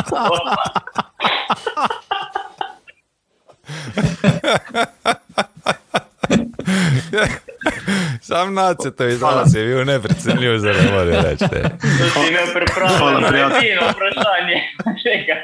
Hvala, hvala, prijatelj. Moram reči, da sta bila uh, Kojič in Macuh iz Filguda uh, en, eden od tistih podcastov. Pa se je bil skoraj vsak tako, ena od tistih oddaj, v bistvu, ko smo pol na koncu, ko smo rekli, ok, to je bil prvi del od ne vem koliko, ko, se bomo- ko se bomo slišali, pa še meni, ker se, imaš, ker se to k tem odpira, da, da kar moraš se res malo zbrati, pa da, da držiš neko, kot to rdečo nit. Um, in je bilo dosto daj takih, no recimo ta je bila sigurno ena, uh, ena izmed njih, ko, ko bi lahko, se mi zdi, kar snemali, pa snemali. tako da. Ja, meni je bilo bolj zanimivo to, da um, smo zelo dobro najdla. No? Pa, uh, upam, da niste zdaj ostali užaljeni, ker smo večinoma znati tam iskala goste. Um, da mi je zelo bilo všeč, da smo našli nekoga, ki je sposoben tudi znanstveno določene stvari podkrepiti, ali pa ki razvija določene uh, znanstvene pristope. Ne. Zelo podobno je bil Bremc na koncu, ja. ne, uh, ko smo imeli kondicijsko. Mm. Se pravi, eno je, da delaš ti v praksi, drugo je pa, da to prakso preverjaš tudi v znanosti. Ne. To, kar smo se ne vem, za Vrdenika pogovarjali, tudi, ne, kar je on tudi počel. ali pa Še počne, uh, kljub temu, da je v penziji, ker tako ne more biti primerne. Um, to je, rečemo, meni bilo pač zelo uh, fascinantno na eni strani. Na drugi strani, pa ko sem zdaj govoril vem, o kondicijskem, a ne, um, sem tako že razmišljal, ne, da uh, ko smo imeli uh, Prodanoviča, ne, da dela v bulgarski ligi, kjer se mi mislimo, da ni neki precej davč od nas, ne, pa je on uh, v povprečnem klubu, če tako rečemo, finančno bolgarskem, uh, ta um, head of performance, kjer je zadolžen za pet ljudi. Ne, se pravi, ponovno tisto, ko se pogovarjamo, koliko nekdo vlaga v neki zato, da bo nekaj dosegel. Pa oni ne pričakujejo, da bo ali pa zahtevajo, da bo ekipa igrala v Evropi naslednjo leto.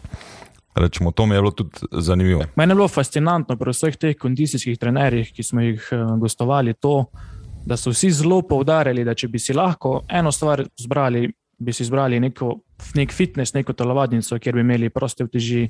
Torej, nek poudarek je bil na delu um, z močjo, ne? na razvoju moči.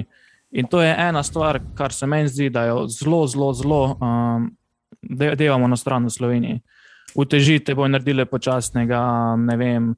Moto- Otroci so premladi, da bi delali z utežmi, in tako naprej. Jaz mislim, da bi mogli sistematično delati na tem, da se najprej učijo pravilnih gibov, pravilnega vdigovanja bremen, in da se že to v bistvu nekako, ko pridejo v mladinsko selekcijo, da se že začne to upeljevati v, v ekipe.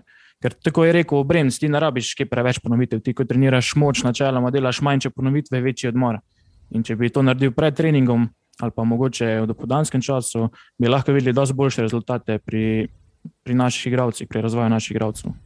Ja, jaz bi tu sam mogoče rekel, ne, da če štartam iz tega, ko sem jaz začel kot trener delovati, ne, je sama logika do zdaj res se zelo spremenila.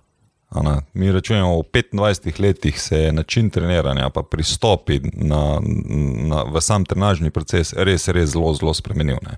Tu tudi Marjan uh, uh, je zelo poudaril, koliko Uh, ko sem ga na koncu dal, še tako malo, kako mu je bilo kaj hudo, ko so ga imeli, da se je igral krokodilčke, pa dinozaure, pa baletke. Pa tako, ne. Ker vem, da je bilo enkrat v eni situaciji, ono, da mu je pomočnik rekel, ali ne vem, igravc, da mu je rekel: Jaz tega nam delo, ko se mi smejijo, ko me gledajo na treningu. Ne. Um, pač prijatelji o- o- ob strani, ko so delali vem, lastovke, pa, pa te stvari. ne. Um, da, da se je res veliko stvari je spremenilo. No? In uh, je zelo težko za trenerja, ker to mi je pa tudi, govorim iz vidika Marjana, ravno iz, zaradi tega, ker je poudaril, ne, da zelo je pomembno, v katerem nivoju deluješ. Ne? In da normalno, že zdaj v Velenju, ko je bil, pa je bila prva liga. Ko je primerjal tisto, kar je on imel na, na razpolago, ne vem, v Hajduku, pa, pa, pa na Japonskem, pa v Iranu, da, da rečem tako še ne, ko je lahko imel vem, tim 20 ljudi, uh, da ni mogel dosegati tistega, kar bi želel, pa tudi igravci, kar je zelo pomembno, ne, da sprejemajo te uh, novitete ali pa ne vem. Uh, To je bila tudi ena pač štorija od Marjana, ko je rekel na koncu, da pač, če ni plača na petega, ne, pa če imaš 4-5 mesecev zamujanja z denarjem, ti noben igralec nič ne oddela. Ne. Ali pa bo imel, ga bo prvo ga bo zanimalo, kdaj bo plača na računu, da bo lahko potem preživel družino ali pa sebe, da bo lahko še kaj drugega delal. Ja. Čeprav meni se tukaj zdi, da je naš prostor zelo specifičen, kar se tega tiče. Tisto, ko si prej rekel, da se niso hoteli članski igravci igrati določenih iger. Jaz sem bil tudi, imel sem, imel sem to priložnost, da sem bil šest mesecev prisoten pri uh, Dominiku Beršnju, ko sem pomagal, ko je še bil trener Rudarja, uh, ko, so, ko je bil še Rudar v prvi ligi. In sem dobil tako občutek, da za te naše igralce je vse odveč. Ali igra, ali neka vadba za moč, vse, kar, je, kar odstopa od nekega značilnega, značilnega ni ok. Pa greš pa gledati, ne vem, posnetke drugih ekip, jaz dosti spremljam Arsenal, dosti spremljam tudi kako špansko ligo, kaj oni počnejo na treningu. Pa se tudi igrajo čist preproste igre, ne vem, tri v vrsto, štafete, um, razne take stvari pa vidiš koga tam, da se buni. Vsi so sproščeni, vsi uživajo in tudi vsi verjamejo in zaupajo v proces. Mm. Se mi zdi, da to tukaj dosti manjka našim igralcem, da vsi si mislijo, da so neki nivo više, ne znajo se pa podrediti skupnemu cilju in so mi take določene stvari odveč. Sam tu bi se jaz pol na, na Vičiča navezal, ne, ker je zelo izrazito bilo, ali pa tudi ne vem, na, na, na Handanoviča um, ko je rekel, da je šel iskat pač, uh, strokovno pomoč, zato da bi on bil še boljši. Um, in tudi Vičič je rekel, tisti, ki so že na nivoju profesionalca in odnosa profesionalca, ne, rabijo zelo malo pomoči. Ne. Ostali bojo pa zelo težko profesionalci. Saj tako sem jaz mogoče razumel, zdaj sem mogoče, da, ne, da me ne bo Aleš klical, rekel, to pa nisem jaz rekel. Ne. To se strinjam, um, to se strinjam. Sam problem je, če je te jedro ekipe pet ali pa ne vem, tri taki igravci, ki se s takimi stvarmi ne strinjajo, bo celo ekipo za sabo potegnili. In tudi to je, se mi zdi, bil en majhen, mislim, en majhen, bil je problem v rodarju takrat, ko so izpadli. Določeni igravci v, v ekipi niso verjeli, v to, kar se počne. In jih je zasedovala ta neka mentaliteta, mislim, v narekovajih, bom rekel, luzerska, ker pač to je bila tista sezona, ko niso nobene tekme zmagali. Ampak dejansko to vse potegne za sabo. In tudi takrat, ko, smo, ko so trenirali pod Bršnjakom, se je dobro delalo, dobro, tudi dobro so igrali, bil je napadal nogomet. Ampak največja razlika je bila, se mi zdi, točno v tem pri psihološkem pristopu. Oni niso mogli obrniti na, na boljš, ker si pač imel jedro ekipe, ki ni verjelo v tvoje delo. Sem zdaj malo provokativen tudi. Uh, mislim, da je Prašnik rekel, uh, ključno je, da ti poveš v jeziku igralca in da bo igralec razumel. Ne? In je tudi, tudi ena od stvari, ne, zdaj, da ti, ko prideš v garderobo, tebe mora igralec razumeti, kaj ti njemu govoriš, in da bo on verjel v to. Zdaj, na koncu je to delo trenerja, da to naredi. Uh, Pač tu... če, če lahko jaz tu mal, uh, se, se navežem na začetek tistega, kar je Toni rekel, uh, z vidika, da pogreša več, uh, več vadbe za moč in več tega dela, uh, ki ni na terenu. Recimo, kar se tudi uh, recimo, tiče tega mal raznih iger in drugačnih oblik gibanja. Uh, in da smo tu za mogoče nekim trendom v svetu, m, sigurno. Um, še bolj, kar meni skrbi, je pa to, da se mi zdi, da prihaja pa zdaj že nov val znanja, ki. Po eni strani počasi, po drugi strani pa zelo hitro vstopa v, v tudi v profesionalni šport.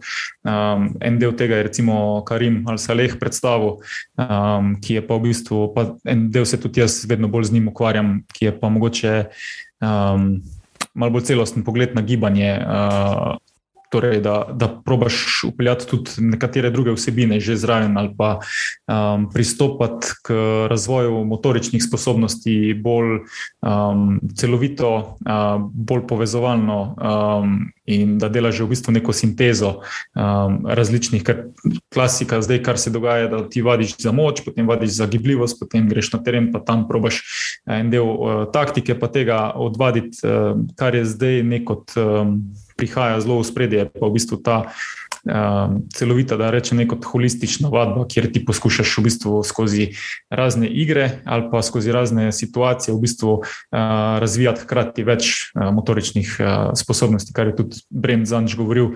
Uh, in v bistvu hočem to povedati, da smo mogoče že dva koraka v zadnji, ne samo enega. Torej, mi še nismo tega dela usvojili, uh, ki se izvaja v tujini, mogoče ne. 15-20 let, um, pa se bo, po mojem, začelo uh, pospešeno že nek drug način dela upeljevati v tujini, mi bomo pa šele začeli konkretno delati na, na tem, kar se pa tujini dela že, že nekaj časa. Um, ne, sej, sej ta celostni, sej, mi govorimo, itak, na eni strani imaš, ne vem, ko, smo, ko sem že prej pač, uh, štartov imaš ti, ne vem, kojiče pa macuha, na kak način se mu prehranjevali. Pa imaš, ne vem, vičiča, koliko ti lahko pomaga, pač nek, nek psihološki uh, moment za to, da ti verjameš določene stvari ali jih sprejemaš ali ne vem, uh, menedžeraš frustracije, ko se ti pojavlja ali karkoli pač od tega. Uh, na drugi strani imaš pa spet pač ne vem. Tega kondicijskega kineziologa, vse, kar pride zraven, Uh, ampak glavni problem, ki ga je pa potem trener izpostavil, tako je pač, ne vem, bil pušnik, zdaj ne, je pa rekel, potem pa pogotoviš, da tebi igralcu stane dva treninga na razpolago. Ne? In kako vse skupaj združiti, zato da boš ti še vedno lahko sproduciral igralca, da bo čim manjkrat pri fizioterapeutu ali pa ne vem, pri kondicijskem, ker tak. Uh, mislim, tistim, ko, ko bodo skrbi za rehabilitacijo, ker taki igravci so pa daleč najdražji. Mm.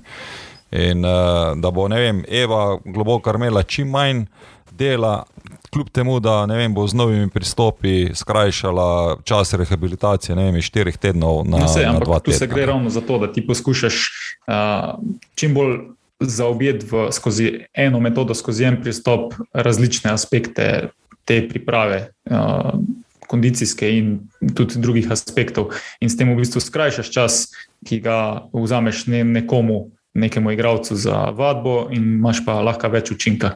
Um, tako da jaz mislim, da bo v to smer neko šla šel razvoj v, v prihodnosti, oziroma se že kaže. To je recimo čistak za primer, uh, tisti, ko mogoče bolj ta, to sceno spremljate, uh, Conor McGregor, ko je sodeloval z Idom Portalom, um, pa se pač. Normalno so različna menjenja okrog tega, ampak to je en primer um, pristopa ki se zdaj mogoče eh, počasi razširja tudi v profesionalni šport. Torej, imajo športniki, recimo, neke učitelje gibanja ali pa. Um, Lahko bi rekel tudi neke guruje, ki jih v bistvu učijo um, na, na mal drugačen način, ki, ki mogoče nam niti še ni točno jasno, um, kaj, kaj ti ljudje učijo, ampak uh, vedno se neka noviteta začne na tak način. Ne, da se najprej temu smejimo, pa, pa začnemo vedno bolj ugotavljati, da to je ok in to sprejemati. Um, in ja, jaz mislim, da bo v to smer kar došlo. No. To lahko rečemo, to so v bistvu osnove gibanja. To so osnove gibanja. Vračamo se nazaj k tistemu, kar smo se učili, pa nam je bilo smešno ali pa prelahko na, na fakulteti za šport. Ne? Vedno se pol vrneš tistemu, kar je se ti takrat zdelo brez veze, kar je preveč osnovno. Jaz bi se še tega dotaknil. Doskrat mi govorimo, kdaj je primerno specialno pripravljati golmane, torej da, da gre oni dejansko v sam tratarski trening. Mi se zelo veliko o tem pogovarjamo, ampak smo se kdaj pogovarjali o tem, da bi bilo mogoče dobro, da damo celo ekipo, tudi tiste, ki niso vratari, na golmanski trening, vse skupaj, da se učijo padati, da se učijo um, skakati, loviti um, in podobne stvari. Ker jaz, recimo, ko sem bil v Velenju, sem, sem bil dogovorjen z našim trenerjem Golmanov, da pride enkrat, dvakrat letno na naš trening, pri selekciji U7, in oni so imeli čist golmanski trening. In oni so uživali na teh treningih, ker je bilo nekaj drugega, ker so se lahko metali, skakali, delali prevale. To, kar pač običajno nismo delali. In mogoče bi bilo dobro tudi, da pa kdaj razmišljati, pač malo stvari na glavo obračati. Ne, da imamo samo igralske treninge, tudi igralcem predstaviti golmanske treninge. To pišem. Ali ti, naci ti, ali jaz Lahko. lahko. Okay. Se zdaj, če, če mi naredimo mogoče preskok tu naprej na, na igralce, to, kar si ti zdaj govoril. Ne. Ena zadeva je zagotovo to, da uh, mi smo se, ne vem, jaz kot, kot, ko sem bil tudi kot vodja, smo se pogovarjali, da bi bilo zelo smiselno, da vsak trener vratarjev, mislim, trener vratarjev, da gre dvakrat, trikrat letno do, pa naredi uh, treninge z ekipami. Um, eno je, da, zato, da igralcem predstavi, sploh, kaj se počne, drugo je pa mogoče na tak način tudi poselekcionirati ali pa navdušiti kakšnega um, mladega igralca, da bi šel iz igralca v vratarja. ne. Um, s tem, da moram reči, da ali, takrat, ko sem jaz želel to sprovesti, ni, ni bilo um, dosti interesa ali ni bilo časa.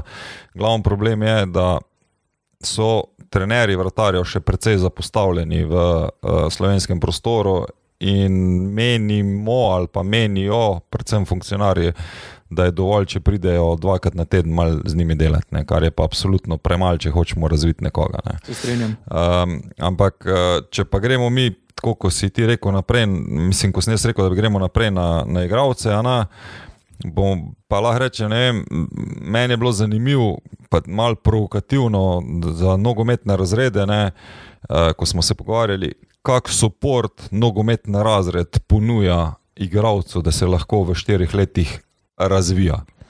A ne, Že v času, pač ponovno, jaz sem imel to srečo, da sem delal tam, pa sem delal z Milošem Rusom, ki tudi vemo, da je bil selektor mlajših reprezentanc, pa trener v celu, pa v Krki, pa ne vem, pač eh, faktor, se pravi, kar nekaj prvoligašov naših trenerov, pa na japonskem, zelo velikimi izkušnjami, glede na to, da mu je tudi eden glavnih mentorjev bil uh, dr. Elzner, pa z Verdenikom sta zelo veliko delala, pa v glavnem še tako uh, naprej. ne. Um, Zdaj se moram doktor Verdenik upravičiti, ko sem rekel doktor Elzner, pa pa sem Verdenik. ne. Uh, uh, ampak re- rečemo, mi smo takrat že imeli zelo usmerjeno tehniko teka skozi neko atletsko trening, pa zelo velike gimnastične dvorane. Ne. Zdaj, če pa po, po, poštudiram zdaj zadnjo oddajo, koliko so pa oni zdaj uh, specializirali že stvari, koliko se prilagajajo, pa sodelujejo z, z klubi, ti si Toni tudi tam nekaj pomagal. Ne. Ja. Um, je pa to absolutna nadgradnja z kondicijskim, z fizioterapeutom, z, z psihologom, z, se pravi, tega to v prvih dveh letih ni bilo. Ne. Čeprav tudi, eh, tudi ko sem jaz bil v eh, nogometnem razredu, še tega niso imeli. To je v bistvu čista noviteta pri njih. Ampak psiholog je že kar nekaj časa, psiholog že je deset let nazaj bil. Ker je Vičič bil že tam, mogoče ni bil vsak dan, ampak z določenimi tistimi, ki so potrebovali, to je delo. Ne. A, jaz nisem bil v kontaktu, tako da boš pa ti verjetno bolj vedel. To je sigurno en, Ja, to- ena plat tega, kar, kar zdaj razlagaš. Jaz, jaz definitivno podpiram in, in se podpišem pod to. Imaš pa, uh, imaš pa drugo plat, ko je pa recimo Uroš Kurum predstavil, ko je pa ta, da si pa po cele dneve, uh, najprej na treningih, pa, pa še na, na malo nogometnih turni- turnirjih, pa na ulici, pa, pa se špilaš. Pa, um, verjetno se takrat nekaj dost uh, s takimi stvarmi uh, obremenjeval. Uh, pa je Ja, sam je bil pa na igrišču No, to, deset saj ur to, na dan. to ne. hočem povedati. ne. Um, da, A Ne, to pač nogometni razred skozi neke druge um, stvari poskuša, da se poveča količina aktivnosti. Ne samo nogometnih, ampak da je se telo pravi, jaz aktivno. to itak podpiram. Uh, veš, da, uh, da mi je to ena od mojih stvari, ko jo želim promovirati. Ampak ja, uh, pravim, da. mm, Imamo pa različne igralce, ki bojo pa v različnih uh, okoljih uspevali, oziroma z različnimi metodami, no, tak pristopi. Um, tako da je to zanimivo, eno, kako smo različni in zar, tudi zaradi tega mi je bilo zanimivo vse te igralce, ki so jih imela, pa gostila uh, v, v oddajah, um, poslušati, ker uh, imajo po svoje tako različne zgodbe, pa hkrati um, vsi to enako ne, razlagajo. Um, Kjer ti je bila najboljša? tu bi pa kar težko se, se opredelil zdaj. Jaz sem se zagotovo, ko si rekel koruna, sem se ja, z njim najbolj zabaval. Ja, z njim je bilo res zabavno. Pač, um, sproščeno, um, polno anegdot, um, tako zelo poučno tudi za, nekoga, za nekega mladega uh, nogometaša. Uh, v bistvu to, koliko se lahko naučiš na nekih napakah, pa uh, skozi kaj vse gre nek uh, športnik. Uh, sigurno mi je zelo ostalo v spominu uh, Dominika in Markus, um, njuni zgodbi, pa, pa pogleda, pa pristopa. Um, meni je nasploh bilo posod zanimivo z igravci se pogovarjati, v bistvu ta del za, uh, za, za uh, izven za kulis, mislim, da za kulisijo, uh, torej ne samo na, na terenu, ampak kaj njim dogaja, predvsem v glavi, na kak način pristopajo, s kakimi strahovi se, um, se soočajo, um, s kakimi izzivi. Um, to, to, mi je, to mi je bilo res ful dobro. No. Uh, pa na drugi strani pa Bojan Jokič, ki je pa, pač z njim pa isto, se pač sam sediš, se pogovarjaš in, uh, in smiš zraven. Kolik, na nek način lahkotno je je on prišel skozi kariero, pa naredil res vrhunsko kariero. No. Da, uh, on mi je, mislim, Bojan mi je tudi zelo ostal v, v spominu, sem še nekaj časa pa razmišljal o njem po, po oddaji. Če se dam zdaj videl v vlogi gostitelja, pa ne vem, bom se dal jaz v vlogo poslušalca, sem si ustvaril nekako rutino, da sem na poti v službo vedno podcast poslušal in nič drugega. In um, so mi bili najbolj všeč pogovori ki ga sta omenila s koronom. Ko je tako sproščeno, tako iskreno, zabavno, da enostavno čutiš, da si del tega. Jaz upam, da se tudi naši poslušalci počutijo na tak način, da, da, da zraven prisustvujejo pri pogovoru. In to je res, res, je, res je bilo topno. Sem še navadil in upam, da bomo imeli toliko konta še naprej, da bom lahko sam to delal. Pa da boš imel službo. Ne? To je nekaj zgodaj reči. Pa da bom imel službo. Če ne, pa tam podcast, to že kaj je. Tudi vredno je. To ni nekaj, smo te prekinili. Ja, jaz sem hotel v bistvu sam povedati, recimo, da je, ja, ko smo gostili Dominiko in Markosa, je bila zelo zanimiva iz tega aspekta, ker sta v bistvu oba sta iskala neko moč, neko vero, neki višji sili. Oba sta si to razlagala na drugačen način. Ne. Marko je pač našel to Boga, Jezusa, pač v sami, sami krščanski veri, je našel neko motivacijo, neko podporo. Na drugi strani je Dominika skozi to. Afirmacija. Ja, afirmacija, pač te stvari, ki jih pač predaja Joe Dispenza.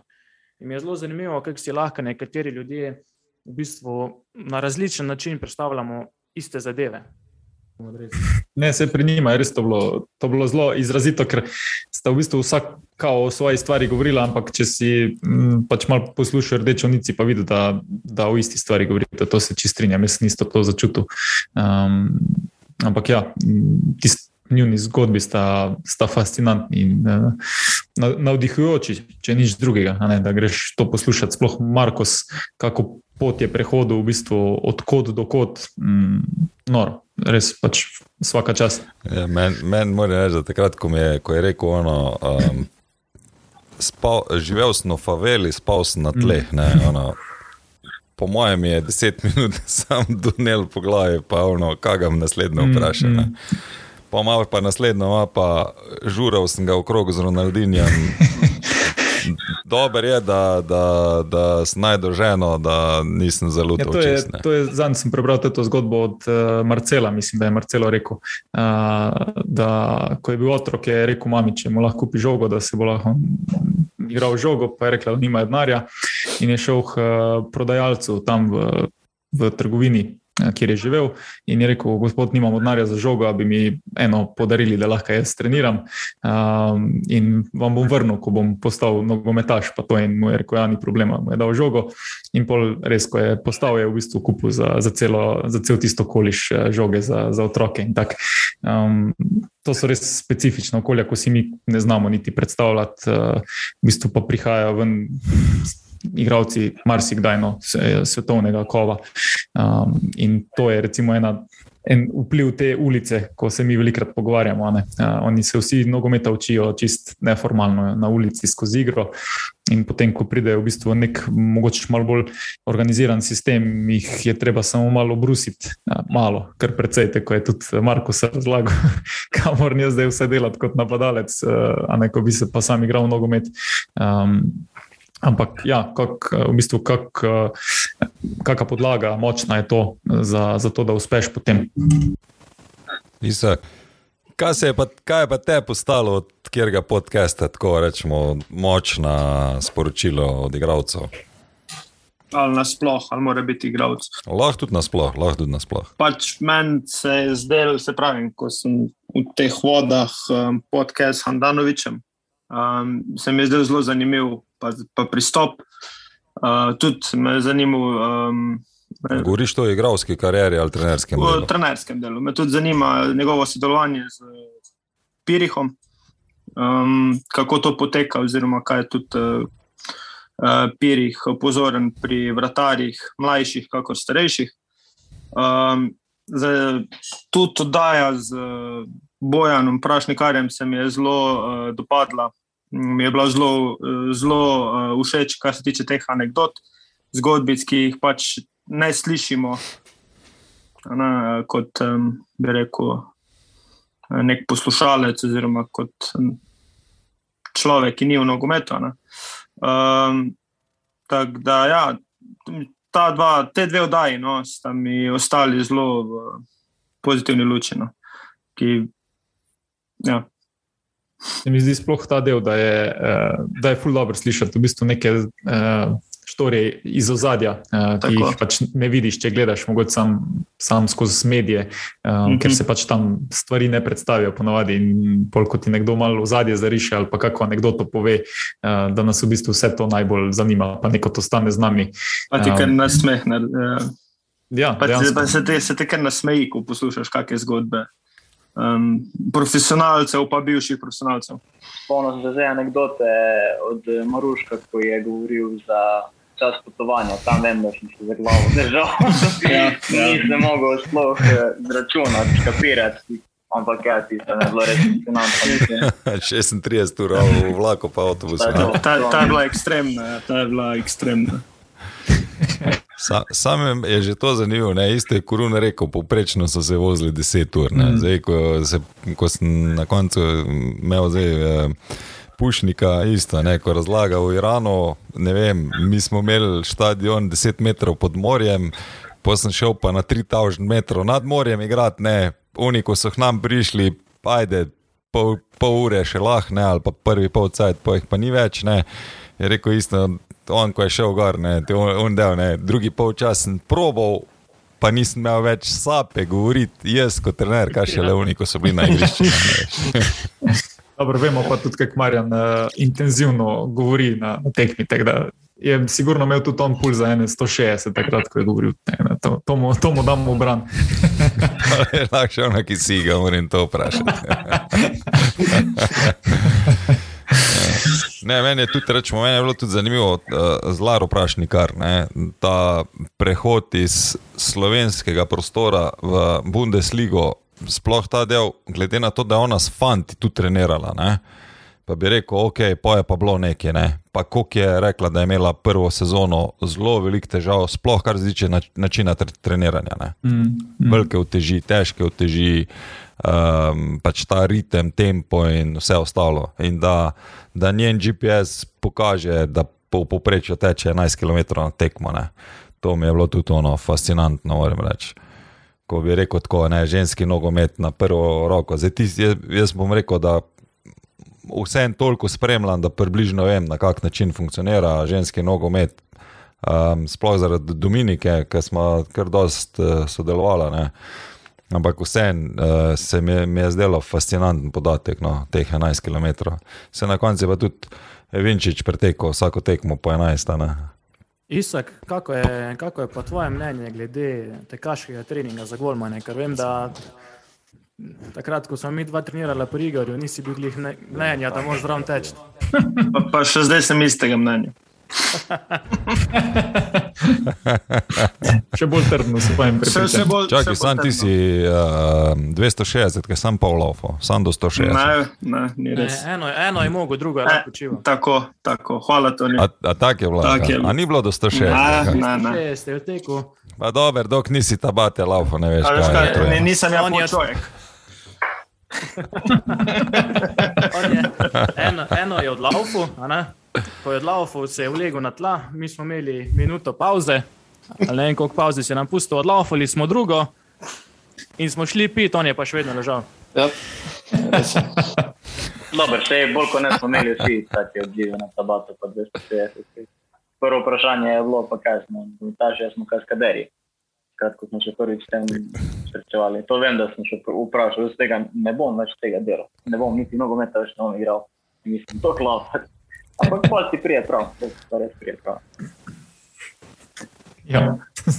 če, če greš v gulag, ti pride prav, drugače pa.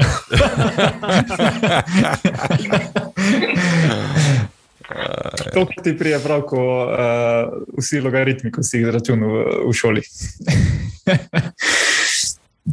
Pa pride prav, pride prav, se akumulira pa skozi proces. malo se hecam.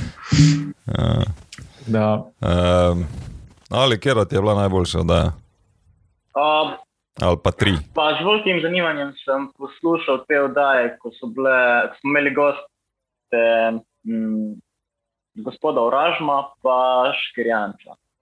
Tega, ker je tako malo bolj uh, meni blizu, um, meni blizu področja. no, Organizacije. tako, organizacije. To mi je bilo uh, kar zanimivo. Me je zanimalo, na kak način imajo stvari postavljene. Tako kot sem prej omenil, tudi takrat, ko sem poslušal od uh, uh, Šimunča ta cel načrt, res mi je bilo velik, velik respekt imam do takih ljudi, no, da imajo tako vizijo, da imajo take načrte, da jim sledijo in za kon, s konca tudi nagrajeni za to. Ta, ta dva sta mi bila res top. te Igor. Še kdo, a men, men. Oh, zelo težko bi se odločil. Se pravi, bi, če bi sam tri naštel, bi bilo absolutno, absolutno premalo. ne. Mislim, da mu bo ta najbolj všeč. Um, ne, se pravi, res. Uh, Ne, ne. Ta, ta mi bo najbolj všeč. Ja. Predvsem zato, ker Isak tako veliko se vključuje v pogovor. Ne. Ponavadi v garderobi se veliko več, ne, tako da Až- boste vedeli vsi ostali. Tukaj mora paziti na, na, Um, na besede. Ampak res, res bi se zelo težko bi rekel za tri. No. Uh, pa ne, ne, da si izmišljujem, ampak ali moram reči, da večina teh trenerjev tudi tako privat, dosti dobro poznam, tako da že uh, iz vidika. Ker poznam še druge zgodbe, um, ki jih nismo uspeli reči v oddaji. Ker zdaj ne povem, kaj, so mi pač dobre. ne. Um, ampak moram reči, da, tak, da me je res presenetilo, moram reči, da me je Korun zelo presenetil, ker se zelo dolgo nisem pogovarjal z njim. In uh, glede na to, da sem ga tudi malo provociral, kako je to izgledalo pri kadetih, pa ko je še bilo to res zelo luda glava, tako najbolj ne. Moram reči, da sem zelo vesel, kakšna oseba je danes. Um, bistvo je bilo, da tudi tiste, ki jih poznam dobro, sem še vedno nekaj novega izvedel ali pa neko novo idejo dobil, uh, kaj bi jaz lahko spremenil v ali načinu treniranja, ali v pogledu na določen poklic, ali mm, kako bi mogoče lahko pomagal pri, pri razvoju še kajega igralca drugač. Pač en kup stvari, no, mislim, res. In uh, lahko rečem, da sem zelo zadovoljen z tole prvo sezono, da mogoče sem, sem pričakoval manj od uh, vseh teh pogovorov, ko smo jih potem na koncu dobili, ali pa informacij, ki smo jih lahko pridobili. No. Tudi z vidika gostov je bilo, mm, mislim, da res uh, na top nivoju, že zdaj, a ne, kar, kar je bilo v prvi sezoni. Um, res legitimni gosti, ki imajo kaj zapovedati, ki govorijo iz, iz potrjeno, iz izkušenj. Um, in uh, meni je bilo zelo poučno, uh, zelo zabavno tudi. Um, ravno zaradi tega, ker so bili vsaj, vsaj večina pogovorov dosti sproščenih, uh, smo se dosti lahko tudi nasmejali ali anekdotam, ali kakim umestnim, ali um, zajebancem, pa tako in je zaradi tega. Na ta način je dosti bolj prijetno v bistvu poslušati, kot pa, ko pa če bi bilo vse malo bolj uh, zategeno. Um, tako da tu se čist podpišem in uh, se sam veselim, v bistvu, kam bo šla zadeva naprej, oziroma kaj, kaj še lahko se pripravi kaj ste vi pogrešali, rečemo, potem, ko ste poslušali oddajo, kak, kakšne osebine ali kakšne goste bi še, bi še imeli? Ja, to, da se mi to nismo prej pogovarjali. Pač jaz sem že malo razmišljal, pa sem o prednosti. Pa... Ja, iz, vidiko, iz vidika gostov mi, mislim, da smo zajeli kar tak zanimiv, pa širok spektr ljudi.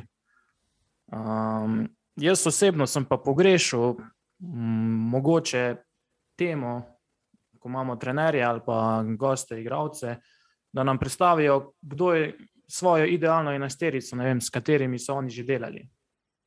Vem, govorim na pamet, Zlatko Zahovič, pa njegova, kaj je njegova zla, najboljša enajsterica, s katerimi je že igral. Primer. Mm. To, to bi meni bilo zelo zanimivo, da vidimo, na kak, na kak način, s kom, s kom so določeni gosti že igrali, pa na kak način razmišljajo. Ne se tukaj čisto strinjam s Tonijem. Tako da tukaj ni nekaj več za to. Ti imaš to, zaradi tega šla huno fantasy ligo boljši igral. Bi še kakšne goste, druge, druge vrste, smo kaj po, pozabljali v tej. Jaz mislim, da smo kar lepo zajeli, eh, da se smo se v bistvu trudili uh, res razpršiti uh, vse, kar se dotika nogometa ali pa nasplošno tudi športa, ne samo nogometa. Um, je pa po mojem smiselno razmišljati za naprej, um, da se z nekaterimi gosti, recimo trenerji, bolj odpirajo kakšne specifične teme, tudi da bi se mogoče en del, um, vsaj kakšna epizoda tu pa tam lahko naredila tudi malo bolj poglobljeno v kakšno temo, če ker vem, da spremlja tudi dosta uh, trenerjev, v bistvu to in se mogoče lahko tu naredi en segment, ven, ki, je, ki je mogoče malo bolj ali krajši, pa bolj poglobljen in se, se kakšne um, specifične tematike ali taktične ali razvoj tehni, tehničnih elementov ali kakorkoli um, tukaj pogleda, kar smo se i tako že pogovarjali. Um, no, se to je tudi Rožman pač izpostavil, da bi bilo uh, zelo v redu. Mal me je še okrcal, da sem premalo uh, svojega mnenja dal. Ne, Rekel le naslednjič, bomo še ene tri trenerje zraven povabili, pa udarimo eno. No, sej, ja, to, um, eno dbata, drugi del, sam če lahko zaključim, to ja, je, pa, je, je pa, da sigurno je pa veliko splošne populacije, ki pa posluša v bistvu to bolj um, ravno zato, da spozna neko ozadje, da spozna sogovornika, um, pa da tudi sliši kakšne te anekdote, pa bolj, malo bolj sproščeno plat nogometa, tako da uh, tega sigurno ni za zapostaviti. Uh, in po mojem, da, da vsi to radi poslušamo, tudi tisti, ki nas bolj uh, strokovne vsebine zanimajo. Jaz bi samo dodal, da smo, se strinjam, smo dobro zajeli. Um, tudi na začetku, takoj, ko, ko sem se njima pogovarjal o tem, ko sem jih klical za, za ta cel projekt, sem jim dala ful dobra ideja in sem zelo vesel, da se razvija na tak način, kot se razvija. Sem mislil, da sem del tega. Zdaj, kakšne specifične goste jaz imam v mislih, uh, mogoče iz področja rekel, da je športnega turizma, pa športnega marketinga, bi bilo zanimivo tudi njihovo plat zgodbe slišati. Um, drugače pa mislim, da, da smo kar lepo, lepo razpršili goste. Ja, jaz, bi, jaz bi tu sam dodal, um, če bomo šli, mislim, pogrešal sem edin. Če smo šli s temo v neko specifično taktiko ali kaj podobnega, pogrešal sem pač da bi se dalo kaj narisati, pa pač dobesedno prikazati, zakaj se gre. Ne? Ker zelo težko je tek skozi nek pogovor predstavljati, kaj nekdo misli. Ne? Lažje je, če se ne riše, če se pokaže. Prid malo bliže mikrofonu. V glavnem pogrešam, pogrešam video verzijo našega podcasta za taktične zadeve. Ja, to je tudi ena od idej. Is, Isak se je že obligiral, da bo um, video pripravljal, ampak uh, v osnovi bomo poskušali obdržati absolutno ta obliko podcasta, tako kot je. Uh, se pa, smo se pa, mislim, vsi strinjali, da ko so kakšni video analitiki, kakšna specifika trenerskega kadra, um, da bi bilo pa zanimivo, mogoče tudi kaj izrisati, analizirati, pa tudi grafično, mogoče kakšne zadeve predstaviti. Ne. Jaz, jaz, če bi se tu sam še navezal svoj pogled, ne, jaz, glede na to, da se zdaj pripravlja futsal evropsko, ne, sem prav povedal bi, bomo zagotovo v naslednjih uh, mesecih pripravili tudi nekaj gostov iz tega področja. Um, v, v glavnem cilju daje nam je uh, v vsakem primeru predstaviti, kaj vse se dogaja v nogometu, kako uh, ljudje, ki se predajajo nogometu, funkcionirajo noter. Um, in tudi te mogoče skupine, ki jih malce zapostavljamo uh, iz vidika med, ostalih medijev, da jih poskušamo predstaviti, ker je v Sloveniji, tako kot smo, ne vem, ženski nogomet, upam, da dosti dobro predstavlja, da se dobro dela, pa da imamo nek potencial. Um, hkrati pa spodbuditi um, in starše, in uh, otroke, da se večkrat odločijo uh, tudi za, za nogomet, kot dekleta, kot fantje. Um, hkrati pa mi je meni pač eh, zelo všeč, moram reči, da zdaj, ko gledam vas, um, ki ste bili moji igravci. Um, Pa še kar nekaj takih je, hvala Bogu, v Sloveniji, ki se vračate nazaj v nogomet, pa tudi v nogometu delujete ne samo kot navijači, ampak tudi kot ne vem. Uh, kondicijski fizioterapeuti in trenerji, trenerji, vratarji, funkcionarji, tako kot je, ne vem, škarjanci, na koncu koncev tudi moji uh, igravci. Uh, lahko rečem, da je moj igralec, ki sem ga eno leto treniral. Zaraj, da, da se ljudje vračajo, pa da vsakim, ko se lahko pogovarjaš, na koncu rečeš, hej, uh, si več ali manj, lahko rečem, da sem na večino dosti pozitivno vplival pri tem osebnem razvoju, um, ali pa da so, da so imeli rad nogomet, tudi če niso uspeli narediti pač neke profesionalne karijere, ker to je, po mojem, vseeno bolj, bolj bistveno, ob tem, da bomo pa zagotovo si želimo še vedno imeti. Take top uh, igralce, ko jih zaenkrat gostimo, ker m, pač nam prikažejo uh, različne zgodbe. Tako si prej nacije rekel, ne, na eni strani imaš ti Jokiče, ki je imel res zelo ravno linijo, bomo rekli, mogoče prvi 15, ne, ne, ampak od kadeto naprej. Je njegova počla ravno navzgor, ne.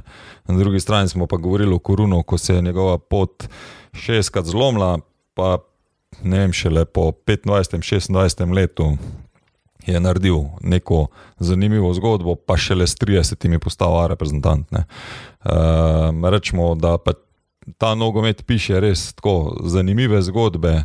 Uh, Nas pa tako na en zelo specifičen način, se mi zdi, tudi potem povezuje. Tako, bi še kdo kaj dodal? Jaz bom dodal, mislim, da smo Isak, bolj počas.